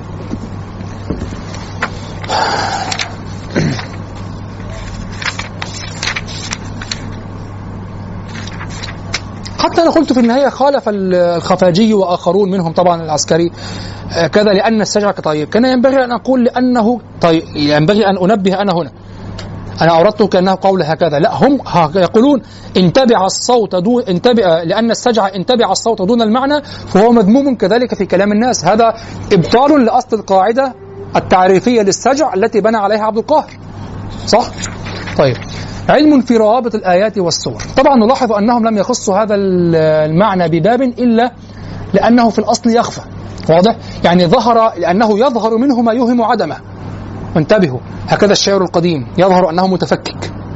صح؟ يظهر متفككا. ولذلك ينبهون على الصلة بين الأبيات. وكذلك هنا علم في مناسبات أو روابط الآيات والسور. أيضا نبهوا على هذا. هل نبهوا على وضعوا علما في روابط الكلمات داخل الآية؟ لا وإنما روابط الآية. لماذا؟ لأن القرآن على نفس طريقة كلام العرب القديمة التي نتوهم نحن الآن أنها مفككة. لماذا استشكلنا نحن في الشعر لم نستخدم في القرآن؟ لأننا نتجرأ على الشعر. لأنه ليس كلاما آه ليس كلاما إلهيا. لكن القرآن تقرأ وأنت ساكت. عادي خلاص. لا تجرأ اسأل. كيف؟ أريد أن أفهم. كيف كيف ارتبطت؟ ما العلاقة؟ نفس الإشكال الذي في الشعر في القرآن. كما أن نفس الإشكال الذي في المقدمة الطلالية في المقدمة القرآنية السورية. السورية يعني. سورية بالسورة بالنسبة للسورة سورية واضح؟ مقدمة السورة نفس مش نفس إشكالية مقدمة القصيدة. ولا أدري إذا كان المستشرقون ينتبهون إلى هذه الصلة أو لا. حينما تكلموا بكلامهم يعني لا أريد أن أكون يعني معقد عندي نظرية المؤامرة وكذا. نعم هم تكلموا في هذه حتى تنتقل إلى إبطال الصورة ونقول القصيدة ممزقة فالصورة ممزقة. لكن قصدوا أو لم يقصدوا؟ وأنا لا أظن أنهم يقصدوا والله أعلم يعني. قصدوا أو لم يقصدوا؟ هذه النتيجة. هذا ما سيحدث. إذا درست القصيدة جيدا وغصت في أدب العرب وأردت بالتدريج أن تنتقل من هذا الفهم إلى فهم القرآن. وعلمت أن المقدمة لا علاقة لها ستقول في السورة أيضا المقدمة لا علاقة. أو تقول هناك علاقة وأنا بقرأ مش فاهم وخلاص. وتظل كما نحن الآن. وكلا الوضعين خطأ. طيب. علم في روابط الآيات والسور. باب عظيم. طبعا أنا المفروض أقرأ المتن أولا إن شاء الله كالعادة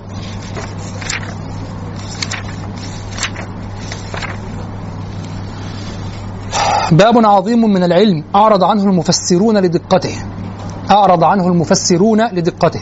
فترتبط آي القرآن كالكلمة متسقة منتظمة. وكذا تنظر المناسبات بين الصور. فإن, فإن كان الترتيب توقيفيا فواضح. وإلا فعن اجتهاد معتبر. يعني إن كان الصحابة رتبوا الصور بتوقيف من الله سبحانه وتعالى فهذا واضح. وإذا كان هذا الترتيب اجتهادا منهم فأنا أيضا أبحث عن هذا الاجتهاد وعلة هذا الاجتهاد. يعني لا أبطل لا أقول لا هذا اجتهاد خلاص لا تبحث لا هو اجتهاد. لماذا رتب الصحابة هذا الترتيب وأجمعوا عليه لعلة؟ والجمهور على أن ترتيب المصحف ليس توقيفيا وإنما اجتهاد من الصحابة وكل سورة في الأصل تستقل عن وهذا واقع كل سورة تستقل كما تستقل القصيدة تماما. فترتبط آي القرآن كالكلمة متسقة منتظمة وكذا تنظر المناسبات بين السور ليس بين الآيات بين السور. فإن كان الترتيب توقيفيا فواضح. يعني واضح لماذا أبحث. وإن وإلا فعن اجتهاد معتبر ويتطلع إلى المناسبة بين الفواتح والخواتم أو الخواتيم. طيب. باب عظيم من العلم أعرض عنه المفسرون لدقته فترتبط آي القرآن كالكلمة متسقة منتظمة. هذا ينظر في الشعر ارتباط الأبيات في القصائد في القصيدة الواحدة.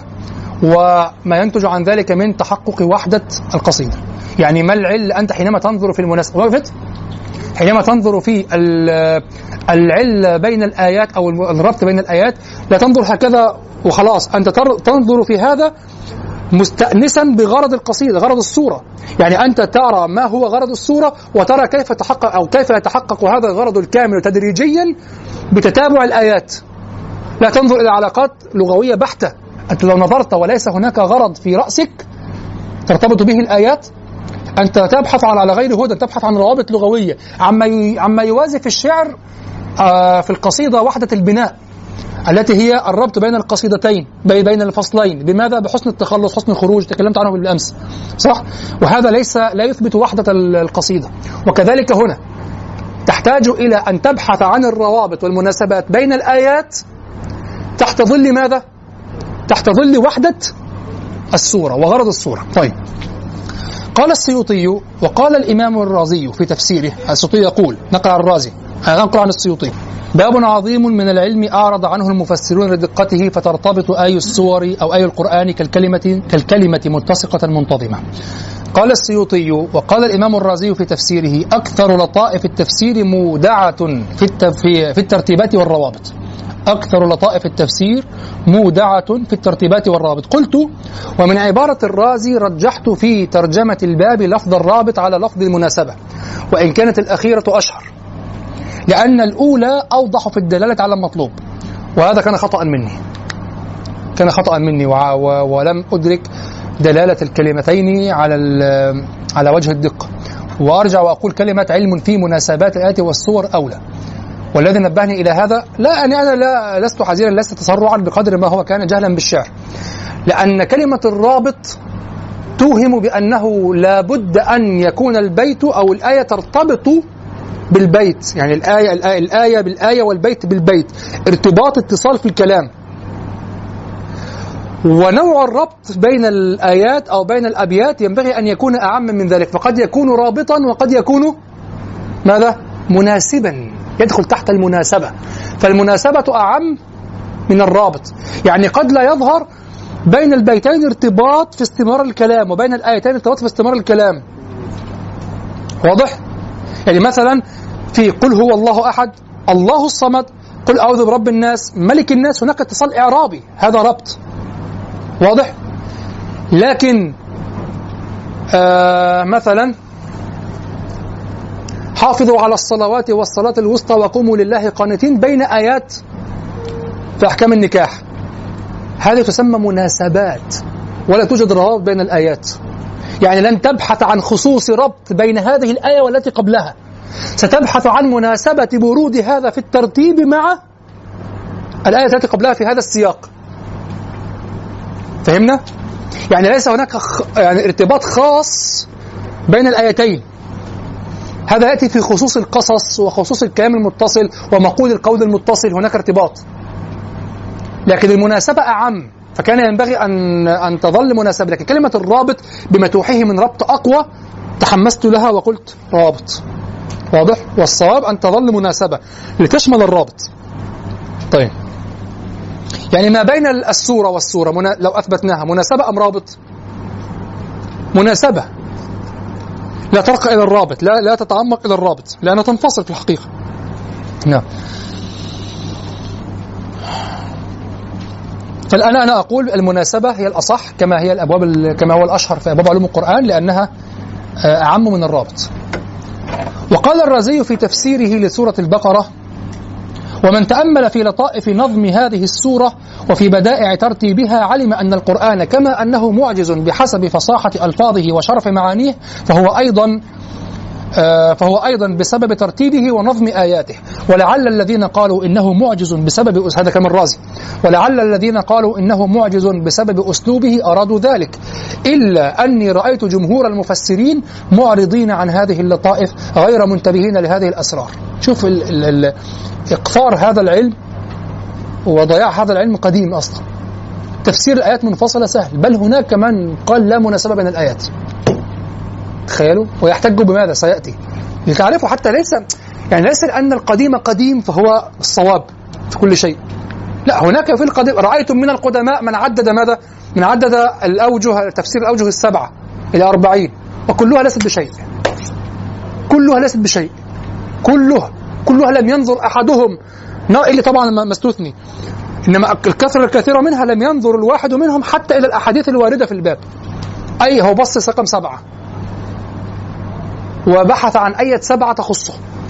وقال هذه المرادة الصوفية جابوا سبعة صوفية كذا جابوا سبعة كذا النحو جاب سبعة نحويات الصرف جاب سبعة صرفيات كل واحد في مجال جاب سبعة منه واضح؟ والأحاديث لا تثبت شيئا من ذلك مطلقا لم ينظر حتى في الأحاديث. وثبتت في كتب السيوطية أو كتب علوم القرآن على أنها أقوال في تفسير الأحرف السبعة وليست بشيء. ليست بشيء مطلقا. وهي ساقطة قبل أن تورد أصلا قبل أن تقال. يعني يخجل المرء أن يقول إنها أقوال. مع احترامنا لمن أوردها. نعم.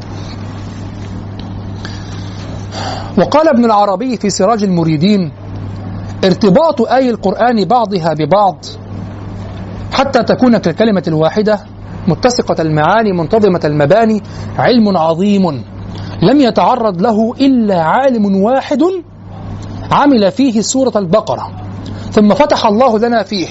فلما لم نجد له حملة ورأينا الخلق بأوصاف البطلة ختمنا عليه وجعلناه بيننا وبين الله ورددناه إليه. خلص مرة أخرى هذا النص. قال ابن العربي في سراج المريدين هذا الكتاب لم يطبع وإنما نقل عنه السيوطي فيه يعني علمي به أنه لم يطبع نقل عنه السيوطي في الإتقان. قال ارتباط أي القرآن بعضها ببعض حتى تكون كالكلمة الواحدة. متسقة المعاني منتظمة المباني علم عظيم. من نبحثه نحن في الشعر الآن. توسلا يعني اتخاذا واتخاذ وسيلة توسلا إلى القرآن. شوف من ابن العربي المالكي يقول هذا الكلام. يقول ارتباط أي القرآن بعضها ببعض حتى تكون ككلمة الواحدة متسقة المعاني منتظمة المباني علم عظيم. لم يتعرض له إلا عالم واحد عمل فيه سورة البقرة. فقط. شوف كم مفسر وكم تفسير عبر التاريخ وكم تفسير لم يطبع وكم تفسير طبع وكم تفسير ضاع كثيرة. لكن هذا لا. كم شروح الشعر لكن ربط القصيدة والوحدة ما نفعله الآن لا ليس موجودا. علم عظيم لم يتعرض له إلا عالم واحد عمل فيه سورة البقرة ثم فتح الله لنا فيه. فلما لم- لم نجد له حملة ورأينا الخلق بأوصاف البطلة ختمنا عليه وجعلناه بيننا وبين الله ورددناه إليه. قلت قولي يعني كلام الرازي وابن العربي يبين ندرة المشتغلين بهذا الباب من العلم. طيب قال الشيخ المحقق ولي الدين الملوي الشافعي قد وهم من قال إذا هناك من قال قد وهم من قال لا يطلب للآية الكريمة مناسبة يعني بين بعضها لأنها على حسب الوقائع المفرقة. رأيتم؟ البعض يقول القرآن نزل مفرقا فلا يطلب له مناسبة. هذا لم لم. لم تخيلوا أن عقله لم يبحث في لم يبحث في علة لجمع هذه الآية كأنها جمعت عشوائي اعتباطا. يعني الله سبحانه وتعالى أمر جبريل عليه السلام أن يضع النبي صلى الله عليه وسلم هذه الآيات في موضع كذا من سورة كذا.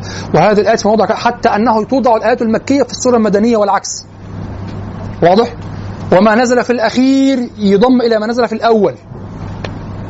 في سورة واحدة. بغير حكمة؟ بغير علة؟ انظر. يعني كان هناك من يقول هذا الكلام أو هذا الهراء حتى لو من قديم. يعني لا إشكال يعني. قديم فيهم كفار عادي. قديم أبو جهل. كافر. أبو لهب كافر. عادي. ومن آل البيت. ده أبو آل البيت.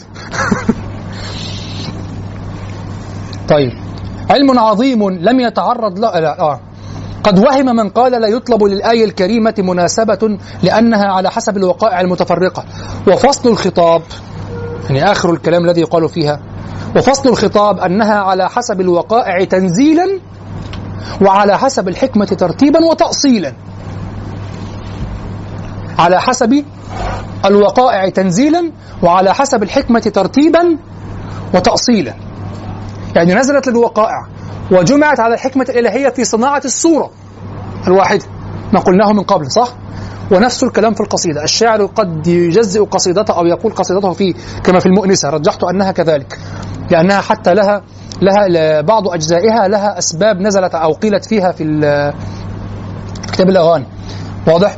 ثم هي اسمها المؤنسة كان ينشدها. ثم لها روايات كثيرة. ثم أجد أن قافيتها هي أكثر القوافي التي أكثر باب أطول قافية في في ديوان المجنون. كل هذه الشواهد رجحت عندي أن المؤنسة عبارة عن أبيات أنشدها وليس بينها ترابط. ليس لها وحدة معينة إلا فقط وحدة الشعور أو وحدة الانفعال وانسياب الكلام. فظاهر أن المجنون كان آه، ينشد هذه الأبيات في وقائع مختلفة وكذا ثم إذا خلا بنفسه ينشد على أنه قصيدة واحدة كإنشاد قصيدة واحدة كل ما قاله على هذا البحر وهذه القافية. لما رجعت الديوان وجدت أطول قافية أكثر قافية جاءت هي هذا. فقلت لعل هذه القافية لعل كل ما جعل هذه القافية وهذا الوزن يدخل فيه المؤنسة. ولها روايات كثيرة وكلها متداخلة. ولا فرق في التقديم والتأخير. يعني لا, لا, لا تبتنى إلا في بعض الأبيات لكن لا تبتنى على بنية معينة واحدة. واضح؟ طيب. فكذلك السور القرآنية. بعضها نزل دفعة واحدة كسورة الأنعام حتى من السورة الطوال كسورة الأنعام والسور القصار وبعضها جزء. وما هو أقصر من الأنعام بكثير يعني أقل في الأبيات وفي الصفحات من الأنعام بكثير نزل مجزأ أيضا. واضح؟ طيب. والذي ينبغي هو هذا كلام ولي الدين الملاوي الشافعي. والذي ينبغي في كل آية وهذا ما نبهني إلى خطئي في استبدال الكلمة. حينما قلت آتي بك بالروابط مكان المناسبات. هذا ما نبهني إلى الخطأ. هذه العبارة. والذي ينبغي في كل آية أن يبحث أول كل شيء عن كونها مكملة لما قبلها. نبحث هل هي استمرار الكلام مكملة أو لا. أو مستقلة. ثم المستقلة. ما وجه مناسبتها لما قبلها؟ هذا ما نبهني على ما فيه من الخطأ في تغيير العنوان. وكانت المناسبة أفضل يعني هذا خطأ مني. كانت المناسبة أولى لأنها أعم من الرابط. لأنك تبحث أولا عن الرابط. هل هو استمرار للقول؟ هل استمرار واضح للمعنى؟ طيب الآية مستقلة. مستقلة. هل هي انقطعت؟ لا. ما مناسبتها في هذا السياق؟ فهمتم؟ لها مناسبة في هذا السياق. والذي ينبغي في كل آية أن يبحث أول كل شيء عن كونها مكملة لما قبلها أو مستقلة. ثم المستقلة ما وجه مناسبتها لما قبلها؟ ففي ذلك علم جم وهكذا في الصور يطلب وجه اتصالها بما قبلها وما سيقت له سواء كانت توقيفا أو اجتهادا كما قلت. قلت وما قاله في ربط الآية بما قبلها قبل تفسيرها غاية في النفاس يعني قبل أن تفسرها ترى ارتباطها. لماذا؟ لأن ارتباطها يؤثر في تفسيرها لا تفسيرها مستقلة كما تحدثنا بالأمس عمن فسروا المقدمة تفسيرا مستقلا ففصلوها عن القصيدة. وقد عني الإمام الرازي في تفسيره بالربط بين الآي فهو مرجع فيه. الإمام الرازي في تفسيره عني شديدا وإن كان هو كان متكلما وأجرى تفسيره على الكلام ولكنه في الربط بين الآي عني بهذا. ترى بعض التفاسير تعنى بجانب الفنين بلاغين معين تلتزمه. وتوضحه وكذا. فمن من عنايات تفسير الرازي الاهتمام بالربط بين الآيات. طيب. وكذا تنظر المناسبات بين السور فإن كان الترتيب توقيفيا فواضح وإلا فعن اجتهاد معتبر. قد سبق كلام الملوي في ذلك لكن وقع الخلاف في الترتيب بين السور في المصاحف. هو بتوقيف كما هو بين الآيات أم باجتهاد من الصحابة؟ فإن كان بتوقيف فتحقق الربط بين السور واضح وإن كان باجتهاد فتحققه على فهم يعني على أساس فهم معتبر منهم. واضح؟ طيب. وفيه من الكتب المتيسرة البرهان في تناسب صور القرآن هذا الكتاب. البرهان في تناسب صور القرآن دار ابن الجوزي. السعودية ليس مصر صح؟ آه. آه ده الجوز السعوديه في ابن الجوز المصرية والسعودية. هذا ابن الجوز السعوديه البرهان. نعم. البرهان في تناسب صور القرآن لأبي جعفر الغرناطي. على أني قد لمست فيه نوع تكلف للمناسبة. يتكلف المناسبة يعني. ويعني وفيه أيضا تناسق الدرر وفي تناسب الصور للسيوطي وعني الآلوسي في تفسيره ببيان أيضا التفسير الآلوسي. أخذ يبحث عن العلاقات بين الصور. يعني هذا عني به بهذا الجانب. كما أن الرازي يبحث في العلاقات بين الآي. نعم. وعني الآلوسي في تفسيره ببيان علاقة كل سورة بما قبلها. إلا أنه في بعض الصور هذا ما وجدته في التفسير في خلال قراءتي فيه يعني إلا أنه في بعض الصور يكتفي بالتنبيه على ظهور وجه العلاقة. يعني يقول فقط انظر العلاقة هنا ظاهرة العلاقة واضحة. هو يظن في بعض المواضع أن العلاقة واضحة بالنسبة إليك وغالبا للمبتدئ أو الذي لم يتمرس في وحدة الصورة وموضوع الصورة وكذا يحتاج إلى أن ينبه على نوع العلاقة. لكن هو يعتمد على أنك فهمت فيقول ولا علاقة واضحة. نعم. إلا أنه في بعض الصور يكتفي بالتنبيه على ظهور وجه العلاقة كما فعل بين سورتي الأنباء والحج. وكتاب الشيخ سعيد حوا رحمه الله الموسوم بالأساس في التفسير. سفر في الباب. فقد فتح الله عليه في الباب وزاد فيه ما لو اطلع عليه الأئمة لرفعوه. فلا غنية لطالب التناسب عن مطالعته. أيضا هذا الكلام أنا قرأته أيضا كلامه في الربط بين الصور. اولا هو كأنه وضع هذا الكتاب الشيخ سعيد حوا رحمه الله كأنه وضع هذا الكتاب للربط بين أو أو لبيان تناسب الصور وأن هذا الوجه من الإعجاز وأنه لم يكتب فيه أحد وأن الترتيب توقيفي وكذا وبالغ جدا في هذا الكتاب. وهو كتب هذا الكتاب في السجن بالمناسبة. كتبه في السجن هو كان متحمسا جدا في الكتابة وكذا ويظهر فيه إخلاص شديد وكذا. واضح وفيه تدين فيكتب و و وانفعال مع القرآن وكذا. لكن لما قرأت هذا الكلام بعد ذلك بان لي تكلف شديد في الربط بين الصور أيضا. يعني أنا أيضا كتبت هذا وأنا متحمس طبعا كل شيء في القرآن يظهر في وجه إعجاز أثبته. وهذا خطأ. هذا خطأ. واضح؟ لأننا نتفق على أن الكلمات الثلاث من القرآن ليست معجزة. كلمة الحمد لله وهي آية ليست معجزة. كل بيقول الحمد لله من غير ما يعني لم تأخذها من القرآن. والكافر قد يقول الحمد لله. ممكن يعني. بوجه أو الحنيفي أو الموحد قبل الإسلام أو كذا فليس بمعجز يعني. لا تقل تعلمها من القرآن. لا الحمد لله معجزة وهي آية. وليست معجزة. بإجماع باتفاق. واضح؟ أقل بكثير من أكثر صورة وأصلا هناك خلاف في أكثر صورة أساسا. واضح؟ طيب. فهو ربط بين الآيات أو ربط بين الصور بنوع تكلف. لما نظرت فيه وجدت كأنه أثبت القاعدة أثبت الفكرة وذهب يبحث عن دلائل وترك أشياء لا تشهد لها. والصواب أنك تبحث في الصورة بتلقائية وبحيادية عن دلائل. وليس أن آه أن تثبت الفكرة وتبحث تتلمس لعبة معينة كلعبة الأرقام والحروف وكذا تخرج العلاقات من أرقام السيارات أو كذا تكلف وتقول والأحداث سبتمبر وتخرج ال 23 9 وتطلع كده معجزة إلهية رقمية معينة. كلام غلط تماما. كلام غلط تماما. تكلف أنت أثبتت الفكرة وتذهب تبحث عنها. تستخرجها هو فعل هذا في إثبات العلاقة بين الصور. حقيقة يعني. رحمه الله. طيب.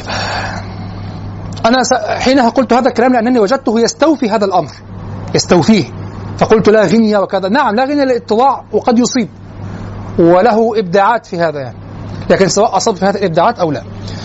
ويتطلع إلى المناسبة بين الفواتح والخواتم.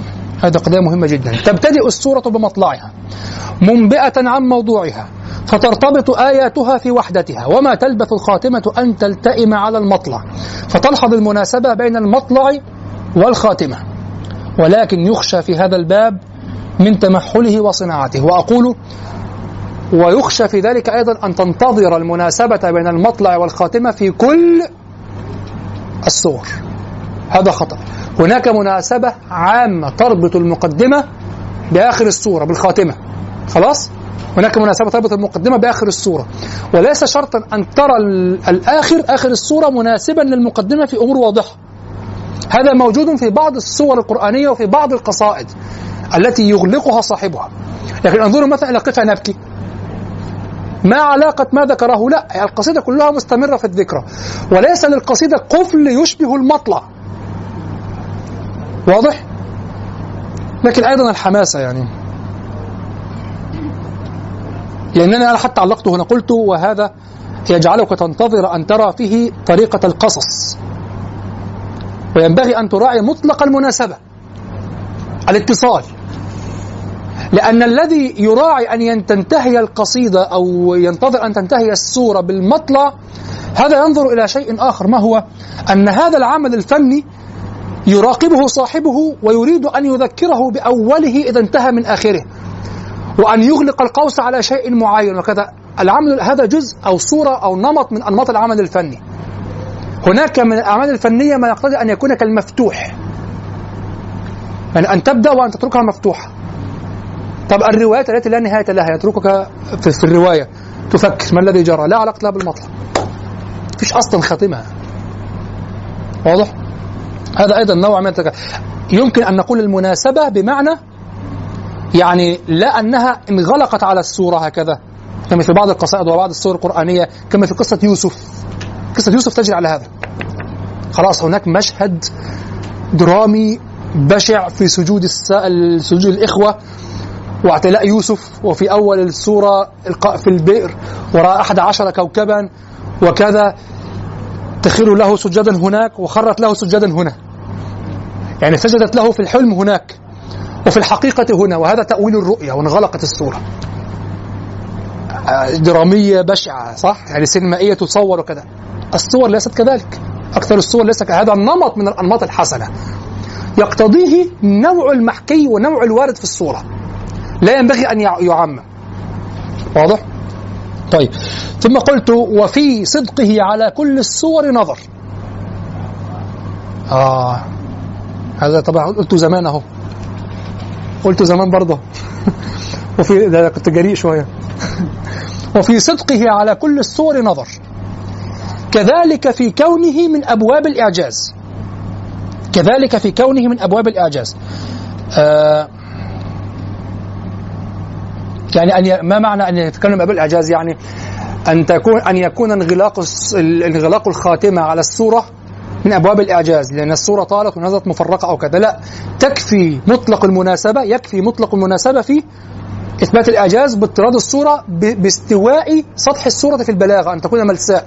تعرفون آه، بعض القدماء من النقاد رجح عمر بن أبي ربيعة على آه، جميل بثينة بماذا؟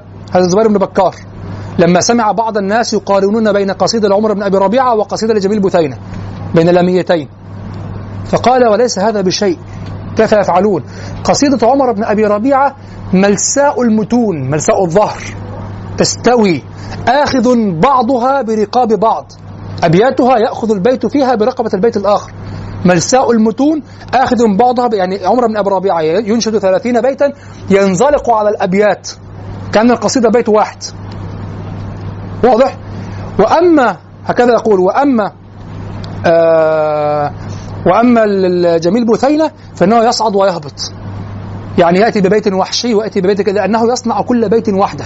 ثم قال ولو أراد جميل بثينة جميل بن معمر العذري لو أراد جميل بثينة أن ينشد قصيدة كعمر كقصائد عمر على طريقة قلت وقالت يأخذ بعضها كذا بزمام بعض لعثر به كلامه ولا عجز عن ذلك. لا يستطيع. شوف هذا التحليل دقيق جدا. عمر بن أبي ربيعة لا يصنع البيت. ينزلق على الأبيات ثم ترى الوحدات التي انزلق عليها كلها موزونة مقفاة هذا متمكن. هذا القصيدة بين عينيه قبل أن ينطقها أصلا. ووزن الكلام وعنده معجم لغوي ثري جدا جدا جدا. حتى ينزلق دون تكلف. هو لا يبحث عن الكلام لا يصنع. هو انزلق على حصيلة لغوية. تحته هكذا جبل من اللغة وانزلق وهذه الأجزاء تنزلق عليها حتى في بضع وسبعين كما في رأية عمر الرأية من آل نعم انزلق على بضع وسبعين بيتا. بضع وسبعين جزء موزون مقفى على نفس القافية على نفس الوزن. ولم تأتي كلمة متكلفة إلا فقط في ربك المتكبر كما قلت لفظ المتكبر فقط. أنا لا أرى يعني أنقض هذا اللفظ. واضح؟ وانزلق وهكذا في كل قصائده ينزلق على الكلام. جميل بثينة يفكر في كل بيت. يصنع كل بيت وحده. فلا تتصل القصيدة. وترى البون شاسعا بين. بين البيت والبيت إما في المعنى وإما في الجودة. وهذا ما وقع فيه المتنبي. المتنبي أبياته كل بيت منغلق صح؟ متنبي صعب تحفظ قصيدته. لأن عشرين قصيدة عشرين بيت. يجمعهما موضوع عام. لكن القصيدة الروابط بينها ضيقة. ولذلك قالوا قالوا يجمع بين الجوهرة والبعرة. هكذا وصف بعض النقاد شعر المتنبي. قال يدعو البعرة بجوار الجوهرة. يأتي هكذا يأتي جواهر ثم بعرة جواهر ثم بعرة. لماذا؟ لأنه يفكر شديدا في البيت الواحد. طيب لماذا لا يفعل كعمر؟ لا هذه ملكة قدماء. شخص سي- سيلفظ القصيدة لفظا واحدا ينزلق على الأبيات انزلاقا. هذه ملكة أعلى هذه هذا مستوى آخر. جميل بثينة العذري الذي في كان معاصرا كان صديقا لعمر بن أبي ربيعة وكان معاصرا له وكان صديقا له ومن زمان الحجة لا يستطيع أن يفعل. بل هو نفسه لما سمع شعرا لعمر قال هيهات يا أبا الخطاب والله لا لا أقول مثل هذا سجيس الليالي وإنه لا يخاطب النساء مخاطبتك أحد. ينزلق انزلاقا على الكلام. ملكه واضح؟ ملكه نعم. ف كان ما ما مناسبة الكلام هنا؟ في كون نعم حينما قلت في كونه في كون نعم غلق غلق ال- الآية هو لماذا نحن هناك نمط من الكلام نفكر في أجزائه تفكر. وهناك نمط من الكلام ينساب انسيابا. المهم أن تكون القصي... السورة أو القصيدة ملساء المتون في البلاغة. هذا مناط الإعجاز. ثم ربما تقول في القصائد أو في الصور التي تنغلق فيها الخواتيم على الأوائل ربما تقول هذا باب من ربما تقول ليس شرط هذا من أبواب الإعجاز أيضا في هذه السورة بعينها. في هذه السورة لأنها احتوت هذا النوع من البلاغة. لكن غيرها من الصور لم تحتوي وإنما تحتوي نوعا آخر تكون معجزة لأن ليس كل صورة تحتوي كل أنواع البلاغة التي تكون بها معجزة. تكون معجزة في بعض أنواع البلاغة التي أتت فيها. وليس أن كل أنواع البلاغة في كل سورة فهمتم؟ نعم. ثم قلت وفيه تصنيف حديث لفاضل السامرائي يقول فاضل السامرائي يؤلف كثيرا في هذا لكنه أيضا ممن يكتب مسلما. يعني هو مقتنع لأنه مسلم ويتوقع من القارئ أن يقتنع لأنه مسلم كذلك. وهكذا دكتور صلاح الخالدي صلاح الدين الخالدي أيضا آه، قرأت كتبه وله كتابان في الإعجاز. آه، أيضا يتكلم يعني متوقع التسليم من القارئ. كل هذه كتب ما بعد التسليم. يعني أنا أستفيد منها في في شرح بلاغة القرآن فيما بعد التسليم. مرحلة التسليم لا. مرحلة التسليم لا. لا نسلم لما قالوه. شكرا لكم وجزاكم الله خيرا. هو الذي بعث في الأميين رسولا منهم يتلو عليهم آياته ويزكيهم ويعلمهم الكتاب والحكمة وإن كانوا من قبل لفي ضلال مبين